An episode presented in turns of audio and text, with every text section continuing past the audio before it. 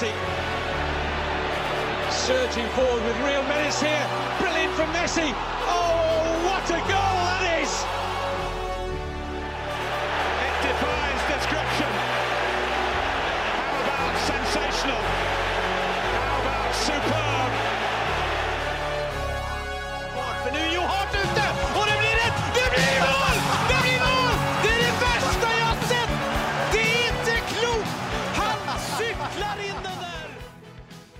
Ja da! Velkommen til episode 168 av den millimeterpresise fotballpodkasten 90 minutter. I dag eh, skal vi gjøre som rosabloggere, eh, TikTok-spirer og Instagram-slitere over hele landet. Vi kjører en såkalt Q&I som det heter. Dere har stilt eh, spørsmålene på Twitter, og vi svarer så godt vi kan på dem, men i motsetning til rosa-bloggere skal ikke vi snakke om Restylan, Botox, Sillis, Fillers og Vippert. Vi skal snakke Paul Pogba, eh, Darwin Núñez, Chelsea, Juventus osv. Og med meg i studio har jeg som vanlig rosa-blogger og lakk- og lær-entusiast Mats Granvold. Stemmer.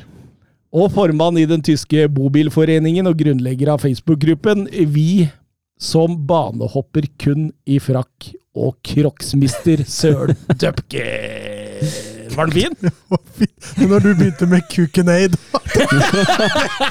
Dette er på vei gærent sa, sted. Jeg sa vel Q, jeg sa vel ikke Du begynte med kuk, og så redda du deg inn. Gjorde jeg det? Og, og, og som den herlige fotballpodkasten vi er, så vi gidder ikke å redigere. eller Nei, dette er så lettbeint og koselig, så det, Ja, dette glir. Kuken Kuken. I dag blir det Kukenaid. Det er farlig, Søren, når vi sitter inne i sju-åtte kvadrat, eh, tre gutter i sin beste alder. Ja, ja. Men, eh, men vi har jo vært så late at vi har egentlig overlatt eh, temaet for, eh, for episoden til våre lyttere. ja, men er ikke det litt greit, da? Altså, Er ikke det litt, eh, litt hyggelig å få kjøre en sånn episode? Det har vi ikke gjort før. Det er noe nytt. Det Er noe nytt, Mats? Ja, banebrytende. banebrytende. Og altså, etter, Etter de to landskampene er jeg veldig veldig glad for at vi ikke tok en uh, Jo. landslagsspesial. Nei, kunne vi hatt. Vi får hudfletta de der ballekukeneiene på landslaget. Ballkuene? Ja, fy flate for noen tafatte folk, altså. Ja, men apropos tafatt, vi kan jo begynne med et Twitter-spørsmål her fra Stian Nesset. Gjelleråsen Tromsø 2 2-10. Sette av fem minutter på å analysere dette bananskallet, spør han nå da. Skal, skal jeg stoppe tafatt. klokka, eller? At de kan snike seg unna før fem minutter? Men, men eh, det, det er jo ingenting bedre enn å ha assistenttrener Mats Granvold her. Ja, det, det var flaks! Nei, fy flate, for en grusom opplevelse det der var. ass. Det, altså, da har jeg vært trener på ungdomsnivå noen år òg, og jeg tror aldri jeg har vært med på noe så, så pinlig og så Du havner litt sånn ut av deg sjæl-opplevelse etter hvert. Mm. For uh, Nei, det var slitsomt. Det var, det var ikke noe gøy. Men hva gikk gærent? Nei, altså Det var jo en sånn dag hvor mye gikk gærent. Uh, det er klart, Du skal ikke slippe til så mange målsjanser, men de skåra jo på jeg tror det var 80 av sjansene sine. Uh, og da er klart det at når først ballen begynte å rulle der, så gikk det fryktelig gærent for oss. Og det, det skal ikke skje. Altså, det var Det var Nei, jeg sliter fortsatt med å finne fornuftige ord. Ja, jeg, jeg har bare sett uh, høydepunktene, jeg, da. Det så ut som uh, Det så ut som en kniv i varmt smør, er det det det heter? Nei, det er omvendt. Det er Varm varm kniv i smør. Mm. Jeg må gli gjennom det nå, tror jeg. Ja, det gjorde jo det. Ja, det, det, er jo litt, altså, det er jo litt synd. Jeg fulgte jo med på VG Live, eh, og så så jeg pause, og så det, herregud. Men hadde den kampen vært analysert i studio her, at United tapt 10-2, så hadde vi altså hadde dere hudfletta, hudfletta, Mm. hudfletta den kampen. Så dere må gjerne hudflette, altså. Nei, jeg har jo ikke sett noe. Nei, du har ikke Og- sett, og- nei, dere har bare sett Og jeg, jeg, heier, jeg, heier jo, jeg heier jo på deg og laget ditt, da. Det gjør jeg jo. Så eh, jeg syns egentlig bare det er synd. Eh, Jeg håper jo at dere klarer opprykk. Det var, eh, det var et ordentlig skudd for baugen. Vi hadde jo en OK målforskjell òg, som gikk rett i dass på den matchen. Det er klart, eh, floskelen om at vi har det fortsatt i egne hender, den, eh, den gjelder jo selvfølgelig, men nå, nå har vi ikke flere bananskall. Nei. Og dere har vel både Lørenskog og Fuvo borte, har dere ikke det? Jo, Lørenskog nå til helga. Så er det Fuvo på gras der oppe, da. eh, Nest siste kamp. Og så er det jo Godset 2 hjemme da, i siste kamp, så det kan jo bli en Det blir mye Det kan jo bli en rysare, det. Mye viktige kamper framover, skjønner jeg. Mm. Her gjelder det å nullstille, så er det ikke det man sier av Dupker. Ja, og gå ut og vinne de siste fire, da rykker dere opp. Ja, Så deilig. Ja, Det gjør vi, da. Jørn Henland på Twitter. Ehm, jeg bør vel ikke si Twitter hver gang, fordi det er jo åpenbart her at eh, her har vi jo spurt om spørsmål på Twitter. Ja, så Hvis du har fått inn spørsmål andre steder, det er jo Ja, relevant men å det, nevne. det har jeg faktisk ikke gjort. Ikke? Alt har kommet på Twitter her. Er det en idé å legge det ut på Facebook? Har vi diskutert det? Nei, jeg tror jeg var tanta mi og sånn som følger oss der. Ja, det er eldre generasjon, kanskje. ja, jeg tror ikke de bryr seg så mye. eh, Jørn Henland, eh, hvilken spiller er det dere først tenker på når dere hører ordene 'Han hadde blitt så god, hadde det ikke vært for alle skadene'? Personlig favoritt hos Henland var Per Siljan Skjelbreid. Vi kan begynne med deg, Søren Døpker. McRoyce. Royce. Ja, Ja, uh, det altså, nevnte du litt i forrige Mm. episode. Ja, det var Guts òg. Litt ja, i samme ja, uh, Guts, seg litt med på sykdomsfronten. Uh, Royce virkelig på, på skadefronten. Eh, altså Royce har jo en god karriere. Det er ikke noe feil med å være klubblegende i Dortmund og lede som kaptein, eh, og gjøre det ganske ålreit der. Men skaden har ødelagt mye for landslagskarrieren, og jeg tror han kunne komme til en enda større klubb også, om det ikke var for skadene. Altså Det var jo i en periode snakk om at Real Madrid var interessert, da. Mm. men uh, skadene har nok ødelagt en eh, større karriere, og sikkert også en større utvikling. Og han kunne ha vært en virkelig eksepsjonell fotballspiller. Han er jo nesten en eksepsjonell Nesten. fotballspiller. Det er akkurat det. Ja, ja, ja. Og men jeg føler at potensial altså han, Som sagt, han har en veldig ålreit karriere, og han er en eh, veldig god fotballspiller, men jeg føler at det lå mer der. Mm. Mm. Og det er kanskje litt sånn feil, fordi han er jo god, men han kunne ha blitt så mye bedre, tror jeg. Ja, ja. ja jeg, jeg, jeg, ser den. Eh, heldigvis da, fått litt sånn rista av seg mye av skadeproblemene nå de siste åra. Og det er jo nå man Mm. har på en måte sett den skikkelig. Ja, nå er han jo skada igjen, da. Ja, Ja. Men det er jo bare en tre uker. Ja, heldigvis for ham, da. For det blir jo rykta at det skulle være lenger enn det. Så det er jo bra. Hadde VM ryket for den der. Ja, det er kjipt. Mats Granvold, har du en spiller til oss? Ja, altså I nyere tid så tenker jeg først og fremst på Dembélé, ja, da, men der er det jo ikke bare skader. Der er det jo litt kosthold som er slitt og en mental helse som ikke er et bra. Eh, Samme kan jo sies om Balotelli og, og Karev, men det er klart, Karev var ikke så mye skada. Der var det jo mest mentalt. Eh, Men Dembélé, hadde ikke han vært så mye skada og hatt litt ordentlig oppi i neppa, så tror jeg han hadde vært eh, helt der oppe. Mm. Mm. For min del så er det jo selvsagt Ledley King. Og Darren Anderton. Ja, jo, men, men, men og, og det kan du Du kan egentlig ta Moussa Dembélé i Tottenham også. Mm. eh, Hvor, eh, men men, for, for meg så vil King stå der Altså, han blei jo god, for all del, eh, men trolig tror jeg han hadde vært en av tidenes største.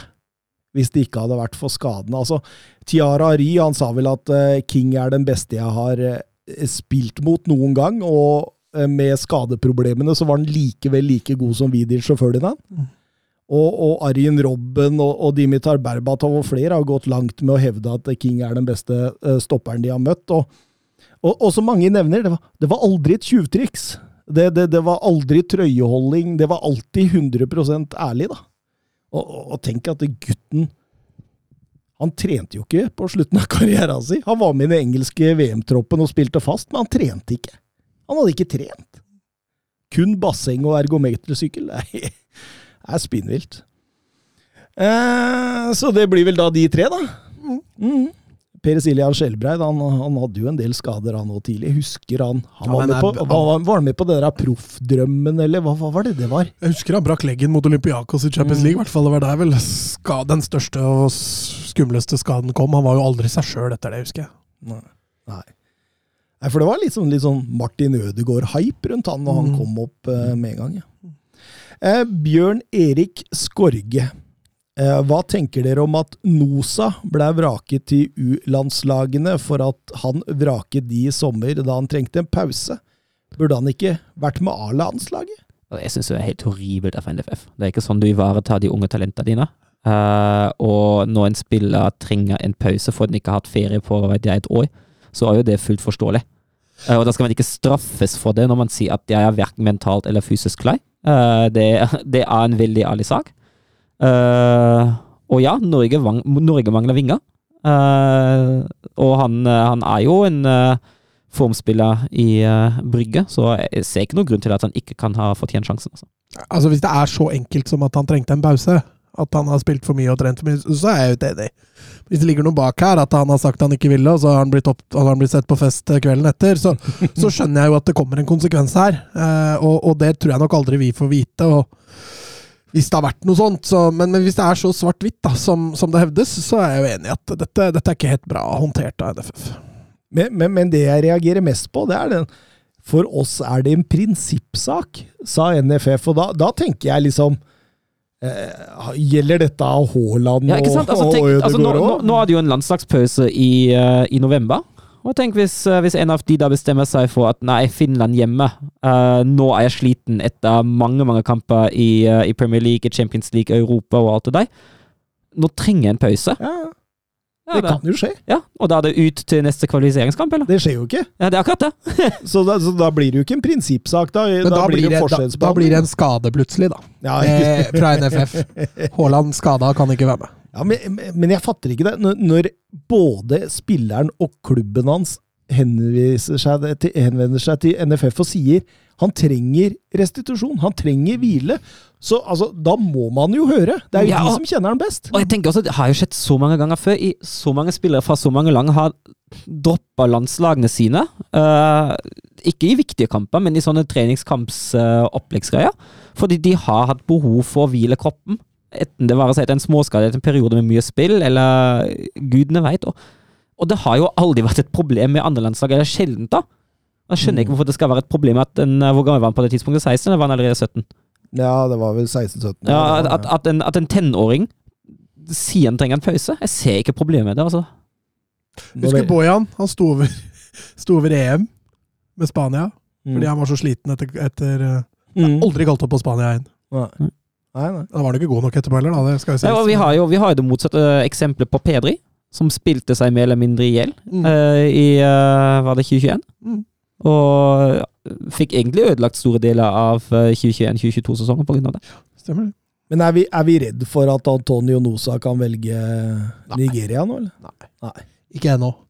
Jeg tror nok den må litt mer skyts til. Altså, han er fortsatt bare 17 år, så mm.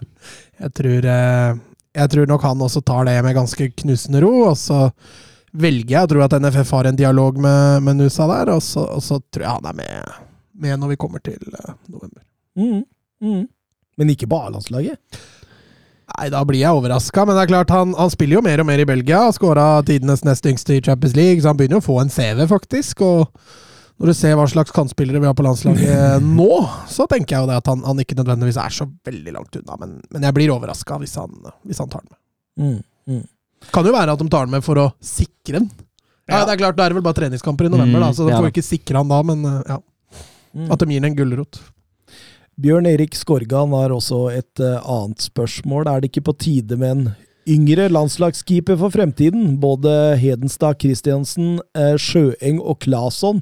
De to førstnevnte spiller jo også for sine klubber. Uh, Nisselue på er også inne på det. Han mener det vil være feigt av Ståle Solbakken å vrake Nyland mot Serbia. Nå gjorde han jo ikke det, da. og Eh, ja. Jeg er jo enig. Altså det, det, som var hovedargumentet for meg da, uh, det er jo det at de spiller. Uh, jeg syns ikke Norge skal ha en spiller fast på landslaget som ikke spiller klubbfotball.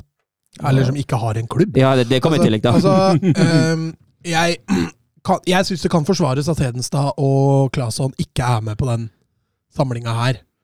Fordi dette er helt avgjørende kamper i forhold til uh, fordeler for Norge i framtida. Ja, kunne, kunne de ikke vært en trekeeper, da? Jo, det kunne de jo vært nå, for nå tror jeg vel U21 bare hadde treningskamp. Hadde ja, ja, altså, han som ikke skulle spille for U21, da, at han kunne vært som en trekeeper for å tenke litt framtid. da. Men nå så jeg Sjøeng på U21 var vel i helga, at han hadde jo en kjempetabbe. Uh, så det er klart det at han er vel også bare 18 år, mm. så han, han, er vel kanskje litt ung, men, men både Hedenstad og Claesson kunne jo vært med i en backup-rolle, det er jeg helt enig i. Men argumentet de brukte tidligere, var jo at de skulle være med å sikre U21-EM. Mm. Uh, og at de heller da fikk spille der enn å sitte på benken på A-laget. Men nå, til november, da mistenker jeg at en av de får debuten sin. Ja, de bør jo det. Norge har jo verdens kjipeste keepertrio, da.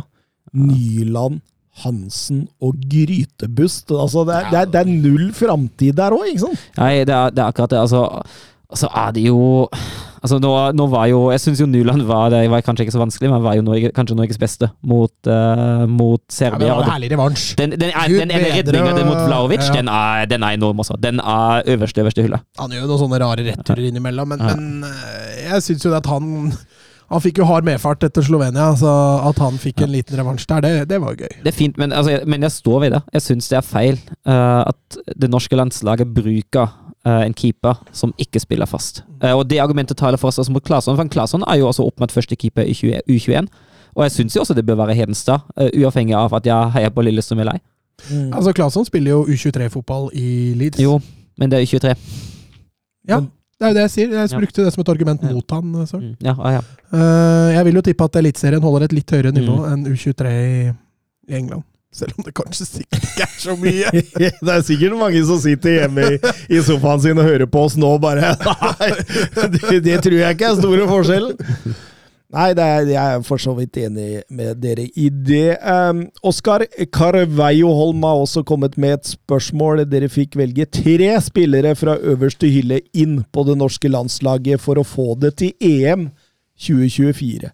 Tenk helhet for å ha det best mulig laget. Jeg har tenkt to ting, da. Jeg har tenkt eh, hvilke posisjoner har det størst behov Eller tre ting. Eh, er det størst behov på?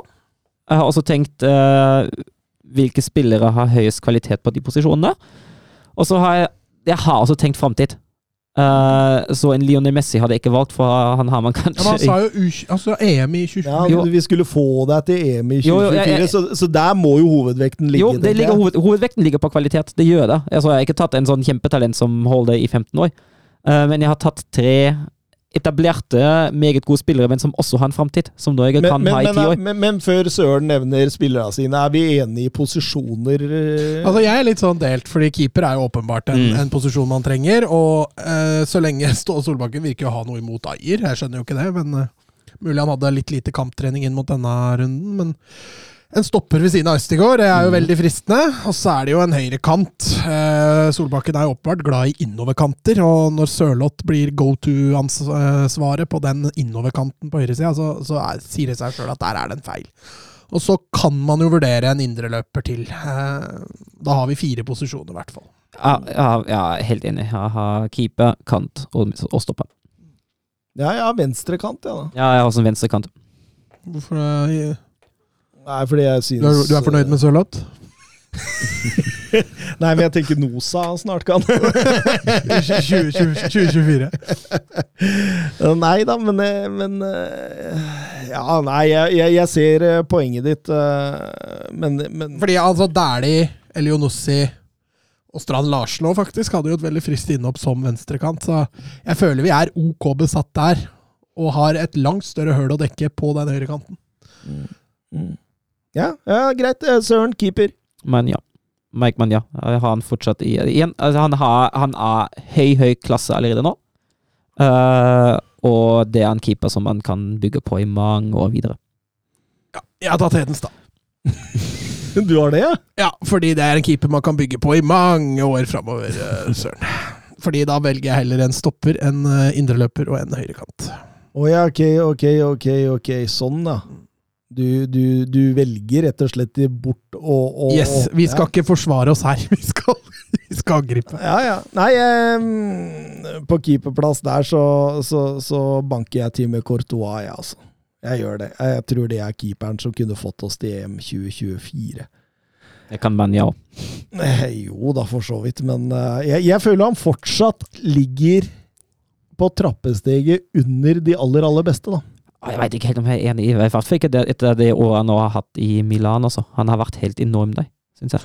Men jeg er enig med Thomas at hvis vi først skal ha en keeper, så må vi ha en skuddstopper. Og da er det jo Courtois Og, Loblak og, som og, er og en rutinert en, ikke sant? En litt sånn som har vært eh, Ja. Men, eh, men, men det er greit, det. Vi har, vi har jo eh, Vi har jo eh, Vi er jo åpne for mange meninger her. En stopper, da. Ja, da Rom Diaz. Der er jeg faktisk nå, for jeg syns Altså, normalt sett så ville Virgil van Dijk vært good the go to, men jeg syns han har skranta litt i denne sesongen, jeg. Ja, Diaz har ikke spilt så mye i år, han heller, da. Nei, men det er jo mer av skade og litt sånn forsiktig innspilling. Nei, Jeg har tatt uh, van Dijk, ja. Mm. Uh, ha han ved siden av Østigård eller Ayer. Begge de to tror jeg passer veldig bra til han. Mm. Så kommer vi til venstre kant. Eh, Det var det du ville ha. Mats ville ha høyre, jeg ville ha venstre. Ja. Jeg vil ha Jo, jeg vil ha høyre. Stemmer. Da går jeg for Vinicius Junior. Det er rett og slett aller beste alternativet som er tilgjengelig. Ja, det, det, det var den jeg så på også. Jeg bare tenker det hadde vært veldig morsomt å ha han på, på utsida av Haaland. Ja, jeg har selvfølgelig kjørt Messi på høyrekant. Altså, tidenes beste fotballspiller på Norge. Altså, jeg, jeg skjønner ikke at dere har valgt noe annet. Jeg fatter ikke. Eh, altså, her har vi både en målskårer, tilrettelegger og en spiller som fint holder OK fysisk form til 2024. Mm. Ja, jo, jo, altså, det, altså, jeg går ikke an å si at valget er gæren. Og jeg er enig i det. Hadde det vært basert på fjorårssesongen, så hadde den vært litt tynn. Men eh, det han har vist så langt i år, Argentina, det han gjorde for Argentina nå forrige uke jeg viser at han er, han er litt tilbake igjen. Uh, og det hadde, tror jeg Haaland også hadde syntes hadde vært helt greit å ha bak seg til å tre gjennom og spille fri. Men da kan jo du egentlig velge en spiller til. Ja, jeg vil jo ha en indreløper, da. Uh, Mm. det, det som ble vist på den midtbanen vår mot uh, både Slovenia og, og, og Serbia, er jo, er jo for tynt. Aursnes får jeg godkjent uh, mot Ja, Serbia. det, er, det er godkjent minus, altså. Ja, men man får godkjent. Berge er jo helt, helt ute av det. Mm. Og Berge var ikke veldig god mot Slovenia heller. Så jeg mener Berge enten må ut, eller så må vi ha Berge inn sentralt. Mm. Uh, Så da velger jeg å ta inn De Bruyne. Ja. Så får vi Ødegaard og De Bruyne på indreløperne. Jeg tenkte det noen ganger under kampen i går, faktisk. Mm. Og tenk å ha De Bruyne Mm. her, liksom. Men, men tenk deg, da har du Ødegaard, De Bruyne og Messi, og så har du Haaland der. Ja. Jeg tenker det må- laget der skårer en del mål. Det går til EM 2024. Det, selv med Hedenstad i tror det går, tror jeg det går bra. eh, Ole Haaland. Eh, Belgia eh, må snart igjennom et stort generasjonsskifte. Det gylne generasjonen med Azar, Lukaku, De Brøne, Aldeverel, Fertongen, Witzel osv. har blitt 30 pluss. Hvordan ser det belgiske landslaget ut om eh, fem til ti år? Hvor ligger fremtiden? Ja, Ja, hvor altså- ligger fremtiden, Søren? Jeg kan jo først uh, skyte inn at det er så utrolig synd at Belgia har kasta bort sin gylne generasjon på høyst middelmådige trenere. For det er det Mm. som er resultatet på den gylne generasjonen. At uh, de hadde spillere som har vært helt fantastiske, og trenere som ikke har nådd opp dem. Godt poeng. Godt poeng. Uh, og det er fryktelig synd. For det belgiske laget har jeg faktisk hatt litt sans for. Uh, har hjulpet litt at uh, noen av dem faktisk har vært i Wolfsburg. Men, men, Men, men, ja, men, jeg ser jo nisselue på han er inne i den, det spørsmålet, og så sier at det er helt uh, Men, men, men så, det ser ikke jeg på det. Jeg ser på belgisk fotball. Altså, det kommer mange store stjerner opp der som er 15, 16, 17, 18 nå, altså. Ja, det, det gjør jo det, og vi har jo noen i aldersklassen over òg. Kanskje ikke fullt så fullt så synlige ennå, og ikke fullt så profilerte, i hvert fall. da. Eh, man kan jo nevne Doku. Uh, han er jo han er jo der, Salamakas har jo etablert seg. uh, Ja, det Kettelare kommer opp til å Ja. bli bra. uh, Tilemanns er jo bare 25, her nå. Ja. Eh, det er altså, det er jo i hvert Han fall Lavia, han som du har hylla litt i Southampton òg, ser jo spennende ut. Ja, han er bare 18 år, så Ja, det- Salamakers òg er jo brukbar. Så kommer det en meget spennende keeper i uh, Marten van de Wort, som uh, er 20 år, spiller for Genk nå og er vel klar for Leipzig. Ja, han er vel det. Han, han, det. Det virker som klubbene nærmest har en sånn enighet om at når Gulashi er ferdig, da kommer han. Ja, og det, det, det tror jeg kan bli veldig veldig spennende. Så har vi Asharen da, i Anderlecht. Så. Ja, men altså, du har så mye der. Altså Marco Cana. Ja, Louis Openda nå, som driver og, og banker inn mål for Lans. Uh, strålende i league Ø foreløpig. Eh, Vi har snakka så vidt det er om den på poden før. Eh, du, du, du har en god del på U21-landslaget òg, som Astøv Rank, som dere var inne på, ja, og, og, og eh, Ramazani der på, på Almeria, som ser veldig, veldig god ut. Eh, Ratsjkin og, og Fertessen. Eh, to gode spillere som kommer til å, å så, så, så det vokser hele tida her. Og så, ikke minst, ikke minst eh, må vi ta med Julien Duranville, 16-åringen til Anderlecht der som kommer til å bli eksepsjonell, altså. Mm. Men, Ja, altså, han har aldri vært hviska om en liten stund, faktisk. Mm. men, men jeg er likevel uh, litt enig uh, i det som sies. Uh, fordi altså Det som er jo at det mangler på en måte en litt sånn større gruppe i, i den aldersgruppa bak. bak den Ja, nei, det mangler en generasjon. Ja, bak De Brødene, bak Lukako. Da har det veldig få. Eh, så det Veldig få 25-åringer. ja, ja, ikke sant? Ja. Altså, da, da, er det, da er det veldig få som på en måte kan videreføre det som er, eh, mens de er på vei ut, og de nye er på vei inn. Så jeg er fortsatt altså, Jeg er jo litt enig i det som sies, altså. Mm. Mm. Ja, de har fått overraskende lite med den gylne generasjonen de hadde, hadde der. Det er klart de har ett mesterskap igjen. Det er nå, eh, nå til eh, Ja, noen av dem spiller jo også EM 2024, tenker jeg. Ja, men da begynner de å bli Mm. par og 30, liksom. Men uh, Fertongen, uh, Aldevirel uh, Altså, det er spillere som begynner å dra på åra, altså. Ja, altså, men, men jeg er helt enig med dere der. Den der, den der mellomgenerasjonen, men de der 16-17-18-åringene som kommer opp nå, Mm. der har de en stor generasjon igjen. Noah Mamamba blant annet der, som spiller så å si fast på Anderlecht. Du har han De Bast, han nye stopperen på Anderlecht der. eh, Strøykens, han eh, angriperen. Han er vel bare 17 år eller noe sånt, tror jeg. Han får minutter rett som det er for Anderlecht, han også. Eh, Sadiki. Og du har en Lokonga i Arsenal, eksempel. En, en Sebastian Borneau på, på Wolfsburg, og en Ja. Luka Oyen i Genk. Så det, det, det, finnes spillere her. Og, og, Teato og Irens. ja, ikke sant? Ikke sant? Så, så, så det finnes spillere her som du kan på en måte Som du kan legge til på den generasjonen som er 25-26 nå, og de som er sånn tidlig i 30-åra. Mm. Så jeg tror man skal klare å ro det i land og fram til man venter på at disse 16-17-åringene blir gode nok. Ja, men eh, Belgia har jo alltid vært en, en, en solid outsider til å vinne et av de store mesterskapene de siste seks, sju, åtte åra. Eh, det tror jeg nok vi kan legge litt fra oss de neste. I hvert fall nå eh, Ja, VM nå er kanskje siste, men Det er 20 siste ja, 2024 og 2026 tror jeg nok kan bli for tøft for Belgia, men, men når den generasjonen, hvis de slår gjennom, da, det må nevnes, fordi de er fortsatt unge, de du nevner der, men skulle de bli verdensstjerner, så, så er kanskje 2028 et mesterskap hvor Belgia kan regnes som en uh, mulig favoritt igjen. Men denne Julien Duranville Oi, oi, oi. Der har vi noe på gang, altså. Eh, For en eksplosivitet og tempo og, retningsforandringer og Jo, men Belgia har hatt noen sånne. altså jeg Husker vi hylla Origi òg, når han gikk til Liverpool, at dette kommer til å bli krutt. Eh, Jeremy Doku venter vi jo fortsatt på. Altså, Selv om man er stor stjerne når man er i den alderen, da, så er, eh, så er mulighetene for å ikke nå gjennom Den er fortsatt veldig stor. mm. For å ikke bli sånn verdensstjerne, så Nei, vi må, vi må jo bare vente og se. Vi får vente og se, men eh, ja. Er vi litt ambivalent til det hele, da? At det kan gå bra, men samtidig de har sine utfordringer. Ja. Eh, Benedikte Hansen. Eh, North London Derby lørdag. Snakk gjerne litt om rundens storkamp og hvordan den ender. Lenge siden oppgjøret har betydd så mye, med tanke på at begge lagene kan regnes med helt i toppen.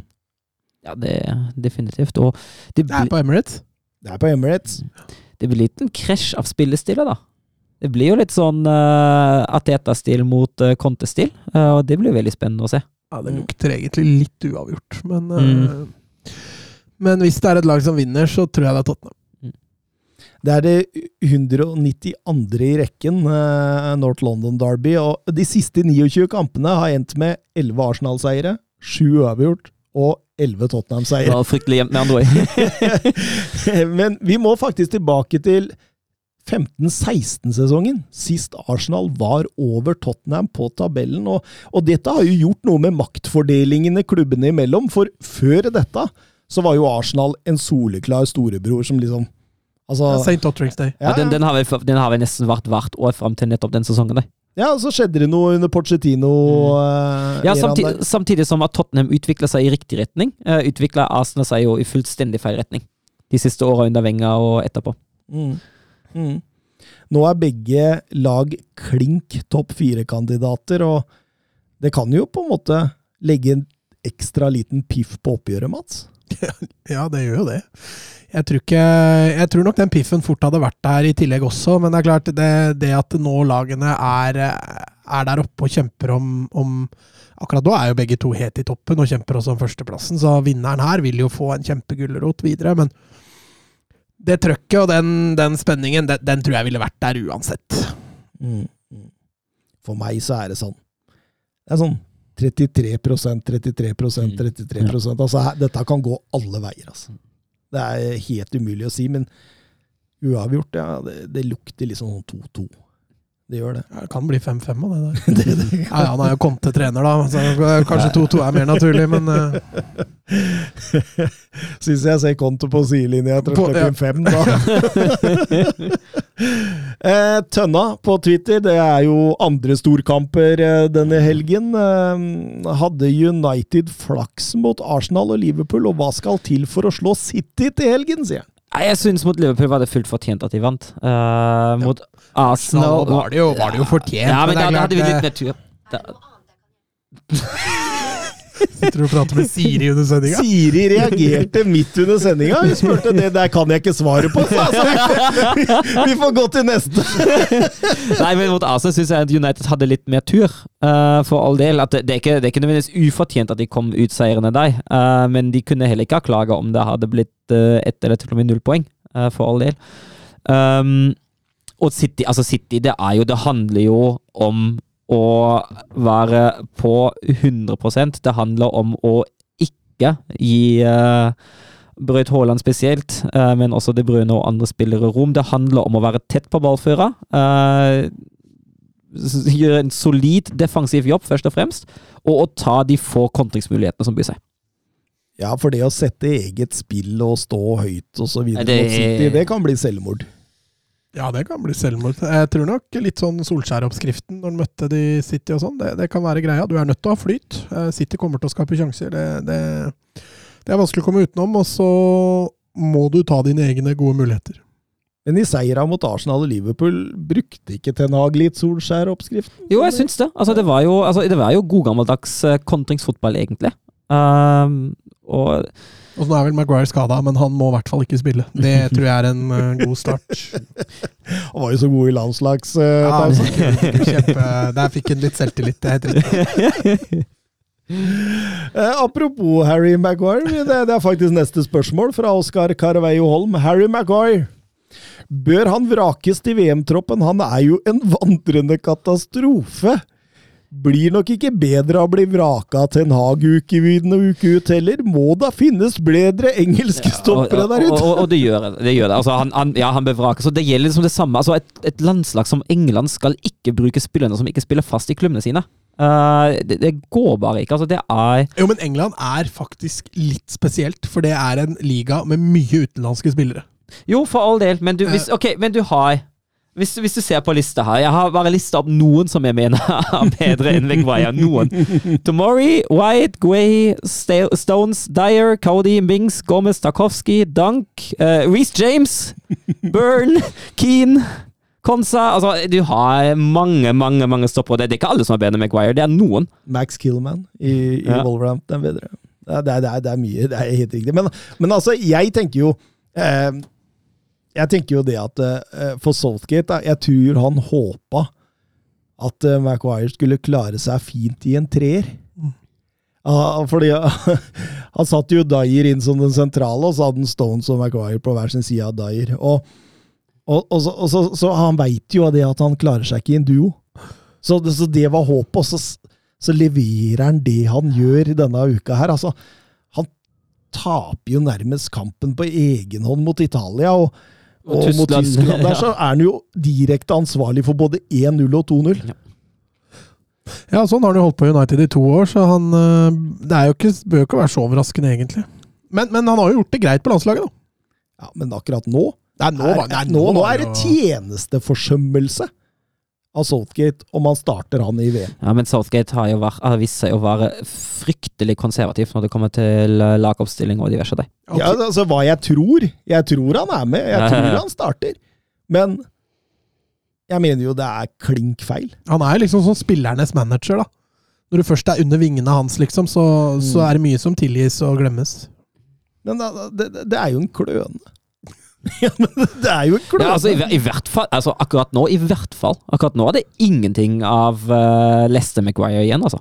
Nei, altså, det, hva har skjedd? Det er helt utrolig. Altså, jeg, jeg husker jo når den bretta ut 80 millioner pund på den, så husker jeg tenkte at det var overpris, men ok, den får inn en, en stopper som i hvert fall er bedre enn Phil Jones. Og nå er den, er den bedre enn Phil Jones! det, er så funny den videoen hvor han står med ryggen til mål, og ballen går bak han. Han står og ser helt feil vei. nei, det, nei, jeg fatter ikke. Altså, det Altså, hvis, hvis Southgate vil noe i dette VM-et, så, så, så må han kjøre eh, enten Kyle Walker eller Reece James inn som høyre stopper i en treer, med Dyer sentralt, eh, eventuelt bruke Stones, og Tomori fra AC Mm, ja. Eh, da kan det gå. Hvis du, hvis du gir minutter til denne kløna, da Det kan ryke i gruppespillet, altså. Og i hvert fall når du har en keeper bak der. Så, så den der, you- den der Charity Shield-kampen med youtubere mot et eller annet annet lag Ja, han keeperen der. Ja, han keeperen der. han var Han ble sammenligna med Nick Pope så etter de landskampene der. Men tror, du, tror vi ikke det er Pickford som står når Jo. det teller, da? Ja, Jeg tror det. Eh, Didrik Tofte Nilsen eh, vil ha en liste på de ti beste niera i fotballen. Diskuter gjerne frem til en liste og bli enig. Og da, da kan vi si eh, Da utelukker vi spillere som ikke er reine niere, altså Mbappe, Martinez, Neymar, Messi, Dybala, Felix, ikke sant? Så går vi på de reine, reine niera. Det var vanskelig nok for det, da. Ja, Ja. Men eh, de beste er greie. Det er kanskje verst å fordele dem, kanskje. Ja, det er verst. Topp fire syns jeg er så fryktelig jevne at jeg Ja, for det er Benzema, Lewandowski, Haaland, Og Kane. Kane.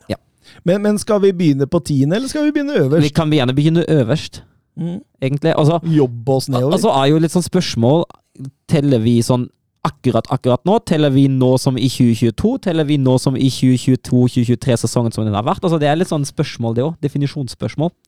Jeg tenker jo hvem som er best over en liten tid Mm, nå, da. Det, ja. Kanskje la oss si det siste året, da. Ja, nei, da, da, da tenker jeg en av dem egentlig er Benzema. Mm, Jeg tenkte vi skulle ha en sånn liten sånn intro jeg, nå Ja, til uh, Sorry. 90 minutters eh, topp 10, nummer 9. Du gikk rett på nummer ni, ja! ja, var det ikke det? Ja, altså nummer ni. Å ja! altså. Nå er det vi svart! starta Nå på er min! Starta på min! Neste på min. Ja vel, ja. Eh, nummer én, Søren Døpker. Ja, hvis vi, hvis vi tar det siste året av dette min mening Karim Benzema, som har båret Real Madrid-laget på sine skuldre sammen med eh, et par-tre andre der, eh, som har vist ekstremt mange fasetter i sitt spill. Ikke bare målskårer, men også tilrettelegge. Uh, en mange, mange steder offensivt i banen, og Etter min mening, eh, sist, sett, sett under etter siste året, den beste. Vant vel Champions League for Real Madrid. Ja, Sammen med Courtois. Mm. Eh, men, men er ikke Haaland beste målskåreren her? Som målskårer, ja, men vi snakker jo vi snakker ikke målskårer, vi snakker nier. Er ikke det målskårerens første primære jobb? Jo, det er første jobb, men Benzema skårer jo noe nå. Ja, Men ikke langt ifra like mye som Haaland. Men det handler ikke bare om mål, det handler om andre fasetter. Men er ikke det hovedoppgaven til nieren? Ja, hovedoppgave, ja, men så kommer det andre jobber i tillegg. Og verdien til laget spiller jo inn, jo. Ok. Nei, jeg, jeg er ikke så veldig uenig, så det går bra. Jeg, jeg kan være med på Benzema. Jeg kan være med på Benzema. Men, men da, da vil jeg faktisk ha Haaland som to. Det er helt ok. Ja, jeg tenker jo det, da. Altså Sånn målskårermessig så er det vel ingen, ingen bedre niere der ute enn han uh, vært det året her. Lewandowski 3, Kane 4. Ja. Men, men nå skal det sies at Kane er jo kanskje den beste allrounderen. Mm. Altså den Ja, han er kanskje på grensa til å ikke få være med, faktisk. Ja, det, du kan kanskje nesten si det sånn. Nesten diskvalifisert for å, for å bli for mye falsk nier, men eh, men han, ja, ja. Nei, fire er greit. det. Eh, nummer fem, der, der begynner det å bli interessant. Ja, der begynner det å bli interessant. Eh, og det er jo litt sånn altså det, det som jeg syns også er litt vanskelig, da, eh, er Altså, det er voldsomt mange gode spisser i Italia. Voldsomt mange gode niere i Italia. Eh, så er det jo til dels niere som ikke har lyktes sånn voldsomt godt i andre ligaen i Italia, særlig kanskje ikke Premier League. Eh, hvordan regner man opp det her eh, mot en spiller som kanskje har blitt kjøpt til Premier League fra en liga som var litt lavere, som har voldsomt, imponert voldsomt da, som ikke har helt fått sitt gjennombrudd i Premier League? Det, jeg syns det er vanskelig å, å, å bedømme opp mot hverandre. Blir en, blir en totalpakke. Ja eh, Vi, vi, vi, vi får bare slenge ut navn, da, Ja, så altså, må vi ja, diskutere for, dem. For, for meg sto det mellom uh, Núñez, mellom Lukaku uh, og Immobile Vlahovic. Men Lukaku 2022 Eh, Det var jo ikke noe voldsomt, nei. Og sammen med Werner, liksom. Nei. Men, Nei, jeg, jeg har klink Darwin Núñez på femte. ja, jeg også har eh, Darwin Núñez. Og også øh, Men, men, men for, Og så altså, syns jeg faktisk Patrick Schick også bør Ja, nevnes. Schick Schick er altså. også, Schick er også med på ja, Og Ben Jedda kan vi også jo, nevne. jo, men det, vi, vi tar jo de gutta når de kommer. Men Darwin Núñez det er vel klink nummer fem, vel. Altså I forhold til hva han viste, eh, ikke bare i ligaen NOS for Benfica, men også i Champions League for Benfica. Og han, han har jo vist tegn i Liverpool også Ja, på at er- dette kommer til å bli bra. Ja, når han ikke skaller ned motstanderne sine, så hender det jo han skårer et mål. Det gjør jo det. Ja, men vi kan godt, jeg kan godt få, gå for Núñez. Jeg har skrevet ham ned som femmer i år, men eh, det, det syns jeg er vanskelig. Jeg syns det er, det er jevnt. Nummer seks, da. Immobile. Immobile, ja. Mm. Såpass uh, Ja, altså Ja, tidlig. jeg ville heller hatt Oshimen før Immobile. Ville du? Ja. Ja, jeg har Vlaovic der òg, jeg. Ja. Ja, Altså, han- men Vlavic har jo ikke vært spesielt bra i Juventus. Nei, han har ikke det. Nei, men jeg tenker jo på at eh, Han kom jo i januar. Men er, er det 2022 vi legger til grunn nå, eller er det sånn, sånn generelt i karrieren? Ja, fordi jeg, altså, jeg må Av på, på, på Lukaku er jeg nok mer Ja, for da er jo- da er jo det er 2022 er han jo ute, Da er jo. Lukaku, Ja. Lukaku komme inn snart også, på en måte. Jeg tror, som sagt, en hel pakke. da, At man for, på en måte forsterker 2022, men det man har gjort i 2021 og 2020, bør også tenkes på Ja, Ja, for men da, altså, da mener jeg Lukaku også bør høyere. ja. Ja, men altså Ikke nå, høyere, kanskje. Han bør ikke foran Núñez, men at han kanskje er før både Immobile og eh, ja, nå har jo har ikke, har ikke Immobile vært toppskårer i Serie A sånn to ganger på rad nå? Jeg vet, husker jeg feil. Jo, han, han, er, han skårer jo nærmest 30 i Serie A hver eneste Mm, ja. sesong. Så. så det er litt sånn vanskelig, men, eh, men eh, for meg så jeg, Så det er ikke, ikke noen sterke emosjoner knyttet til det heller. Altså. Nei, men jeg, jeg føler ikke Immobile. Ikke så høyt. Hvem, hvem Han er, det, er, han er det mer enn tap-in, altså. Ja, ja, er det er det. ja, men er ikke det hovedoppgaven til Nieren? Det er Haaland òg. Han er jo bare Ja, tap-in. ja. Han er den fødte tap-in. Jo, men, jeg, jeg, jo, men der, der, der har du en Altså, han kan, kan jo på en måte bli spilt opp og gjøre det mye mer sjøl. Det er så vi må se. Men da, da må han jo bli spilt opp. jeg tror ikke Mobil hadde skåret noe mål på det laget der heller. Nei, det, Altså- det han definitivt ikke. Det er jeg helt enig i. Men da står det mellom Vlavic, Lukaku, Oshimen og Immobile. Er vi enige om at de fire, alle de fire skal Ja, med? altså, du- For da er det jo bare én plass igjen etter Jeg, det. jeg, jeg er enig i at Schick må nevnes, men Schick, altså Schick har enn så lenge har Schick vært et one-hit-wonder. altså. En one season wonder. Ja, for han har jo ikke starta så bra denne Nei, han, har er god, sånn han har ikke vært god før, før EM heller. Nei. Ikke sånn voldsomt, i hvert fall. Nei, det, det, det er litt spesielt med han. Det er det. Eh, Nei, da stemmer jeg for, eh, for eh, Lukaku. Ja, Kan være med på det. det er helt greit. Det blir, det blir sjetteplass, ikke sant? Det blir Mm. sjetteplass bak Nunes, ja. Men da kommer vi til sjuende, da. Ja, da har vi er jeg Oshimen. Ja, Ja, eller Vlaovic. Jeg velger fortsatt Oshimen. Oshimen Vlaovic. Ja. Ok. Stakkars i Immobile. Nei, men det, altså, det, jeg syns jeg syns det er så jevnt. Jeg syns det er helt ok. Ja, men jeg tenker jo at Immobile kan få plass etter der, jeg, på Ja, han, niende- han, han, niendeplass. han må jo med på lista, i hvert fall. Tiende da, da er det jo Altså, eh, jeg vet ikke, altså akkurat nå, eller hvis man ser, hvis man ser litt sånn på karrieren i sin helhet uh, ja, Nesten sånn at jeg holder det i hvert fall sett under et Ben Jedda høyere enn skikk fortsatt, altså. Ja, men hva med Jonathan David, da? Ja, David kan også fint nevne seg. Og Ivan Tony òg er jo Ja, bra. Ivan Tony kan være en. Uh, Gonzalo Ramos kan være en. Uh, Sebastian Aller kan nevnes òg. Mm. Han har vært god i Ajax. Gabriel Jesus kan nevnes. Ja, ja. Nei, han nevnes ikke! Han, eh, Richarlison, da nevner vi han. nei, han er ikke en, han er ikke en rein nier. Ah, okay.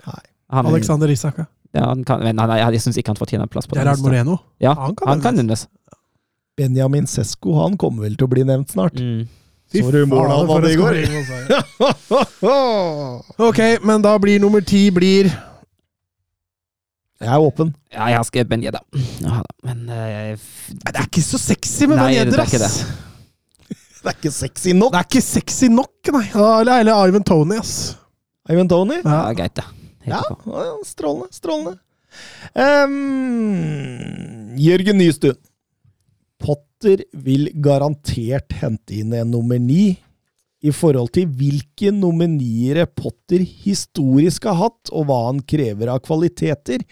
Hvilke nier vil være aktuelle i januar eller neste sommer? Og, og da kan jeg jo begynne litt med å si at Potter har jo uttalt selv at han er en stor fan av Harry Kane og det han representerer som angriper. Eh, hvis vi legger bort tida Potter hadde i Østersund, for den kan jeg ikke så altfor mye om, så i, I Swansea hadde han jo Ollie McBurney, som fikk mye tillit. Det er En duellsterk, hardtarbeidende spi, spiss som på en måte eh, er bra i boks. Eh, I Brighton henta han, han tidlig Neil Mopai eh, i sitt første vindu, og så kom Danny Welbeck inn. Eh, ja, eh, hvordan tolker vi dette i forhold til Han liker jo litt komplette typer, da. Mm, han gjør det. Eh, Ikke nødvendigvis at de bare skal skåre mål, men at Mm. eh, de skal bidra på litt andre Og der, derfor bør vel Aubameyang frykte for Ja, framtida si ja, det- Chelsea? han, han mener jo, jeg har sagt det før, han mener jo ikke at den spilleren Chelsea trengte uansett. Uh, heller ikke under Torhild for den saks skyld. Uh, det var et uh, desperat nødkjøp. Ja, fordi det, dette her er jo konklusjonen vi kan trekke av det vi har lest, og det han har sagt, og det han har gjort av innkjøp. At det her er jo, Han trenger jo en allrounder-spiss. Det er jo det han Mm. ønsker seg på topp. Og det, det er jo fryktelig vanskelig. For det er det ikke så voldsomt. Altså, Calvert Lewin Ja. kunne jo vært interessant, men han er jo mye skada, så jeg veit ikke hvor trygt det der er. Uh, Griezmann er jo midt i en twist nå, så her kunne jo Chelsea virkelig kjent sin bekjennelsestid. Og, men det er klart, Du får ikke den fysikken, men du får en allround-spiss som jobber toveis og er god både i bakrom og mellomrom. Han som jeg skrev ned først, særlig hvis Juventus fortsetter som de gjør nå den sesongen, er jo Vlaovic. Han kan jeg fint tenke meg Men de meg må ha inn en spiss i januar. Ja, det må de jo egentlig, og det, Og- det, blir, blir nok for tidlig, tenker jeg. For, Det tror jeg også. Jeg Ja. tror ikke du får Vlavic i januar. Ivan Tony, ja. Det var det Ja. jeg tenkte også var kanskje var neste, at Ivan Tony kunne være et veldig godt kjøp. Uh, altså vi ser, Oshimen blir jo veldig dyr, da, men, men det vil jo være eventuelt Men er ikke det litt for mye bakrom? Mm. Jo, det er kanskje det. Uh, da blir det vel Ivan Tony eller Calvert Lewin, da. Man har jo Armando Brocha allerede i, i, eh, i stallen der. Ja, så er han jo ikke helt ukjent for å satse ungt Potter heller, så Kai Havertz og nummer ni. Kanskje, kanskje, kanskje det er de to, Brocha Havertz, han kommer til å foretrekke framover, i hvert fall. Eh, Fram til han får eventuelt kjøpt det nye, da. For hvis det er slik Nystuen sier her, så, eh, og han vil hente en nummer nier, så ja, nei, kanskje, kanskje Tammy Abraham. Hente tilbake. Lukaku kommer jo kanskje kan komme. Lukaku har vel sagt at det er null sjanse for at han kommer til å Ja, sette sine føtter i Ja, ja, men han har åpenbart uh, sagt ifra nå at det er null Jo, men nå er det jo nytt regime, nye tider. Mange av de han var der, var jeg jo bytta ut. Ja, han har sagt det likevel. Det er null sjanse. Du må passe på å si sånne ting i fotball. vet du. Ting forandrer seg så fort.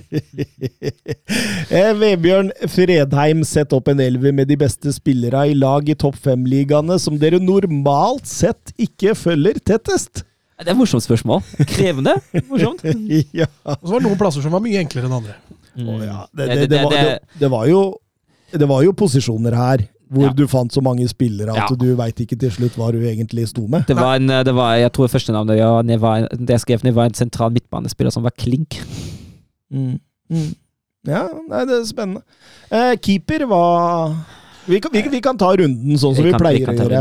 Eh, jeg fant jo litt spennende, da. Kan det hende at jeg ikke har funnet alle en gang. Eh, man, kan jo, man kan jo nevne Radetzky Leverkosen, selv om han uh, har vært litt uh, rusten så langt i år.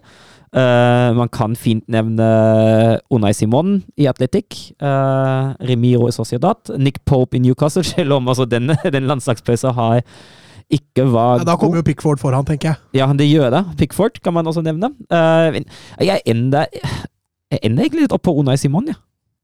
Ja, jeg også endte på enten Unai Simon eller Lafonte i Nantes. Det var vel egentlig Mm. de to jeg Jeg har jo også Musso fra, fra Atalanta. Mm. Eh, Kunne også nevnes der. Deilige alternativer, faktisk. Mm, men jeg er for så vidt enig med dere. Unai Simon, det, det, den er fin, den. Eh, Høyrebekken Mats Granvold. Ja, der var det ikke så mye, faktisk. To fra Leicester, da, i Kastanje og, Justin. Uh, Syns jo det er to gode kandidater. Frimpong fra, fra Leverkosten. Eh, Juan Foyt fra Villarreal. eh, men når jeg kommer til Foyt, så skjønner du at da begynner det å gå tom. Eh, så jeg landa på Livramento fra Southampton. Mm, mm. Ja, faktisk Joakim Mæhle fra Atalanta. Han har ikke spilt mest venstreback. Jo, men skal han spille begge, vet du. Jo, jo. Han er jo på en måte Men jeg har han på venstreback. Eller i hvert fall i poolen min på venstreback. eh, Ellers har jeg Malo Gusto fra, fra Lyon, syns jeg har vært strålende. Jeg, for, jeg syns altså den er jevn. Uh, jeg endte vel egentlig opp på Frimpong, for jeg liker at han er offensiv uh, og bidrar veldig veldig mye framover. Men jeg kan fint leve med Livramento. Han var i Polen med han òg. Ja, nei, men det, jeg, jeg, jeg lar meg Livramento er ganske offensiv, han òg. Ja, for all del. Venstrebekk. Du, Thomas? Ja, det er meg, ja. Eh, Jeg har eh, en liten Nå har jo ikke jeg Joakim Mæle der, da. For jeg, hadde jeg hadde den ikke på laget mitt. Jeg hadde nei, den bare, ikke det, i- nei. hadde den bare i poolen på høyrebekk. Nei, Ja, på okay. venstrebekk. Jeg har eh, Angelino fra Hoffenheim. Jeg har Destiny Oduji fra, fra Odinese. José Gaia.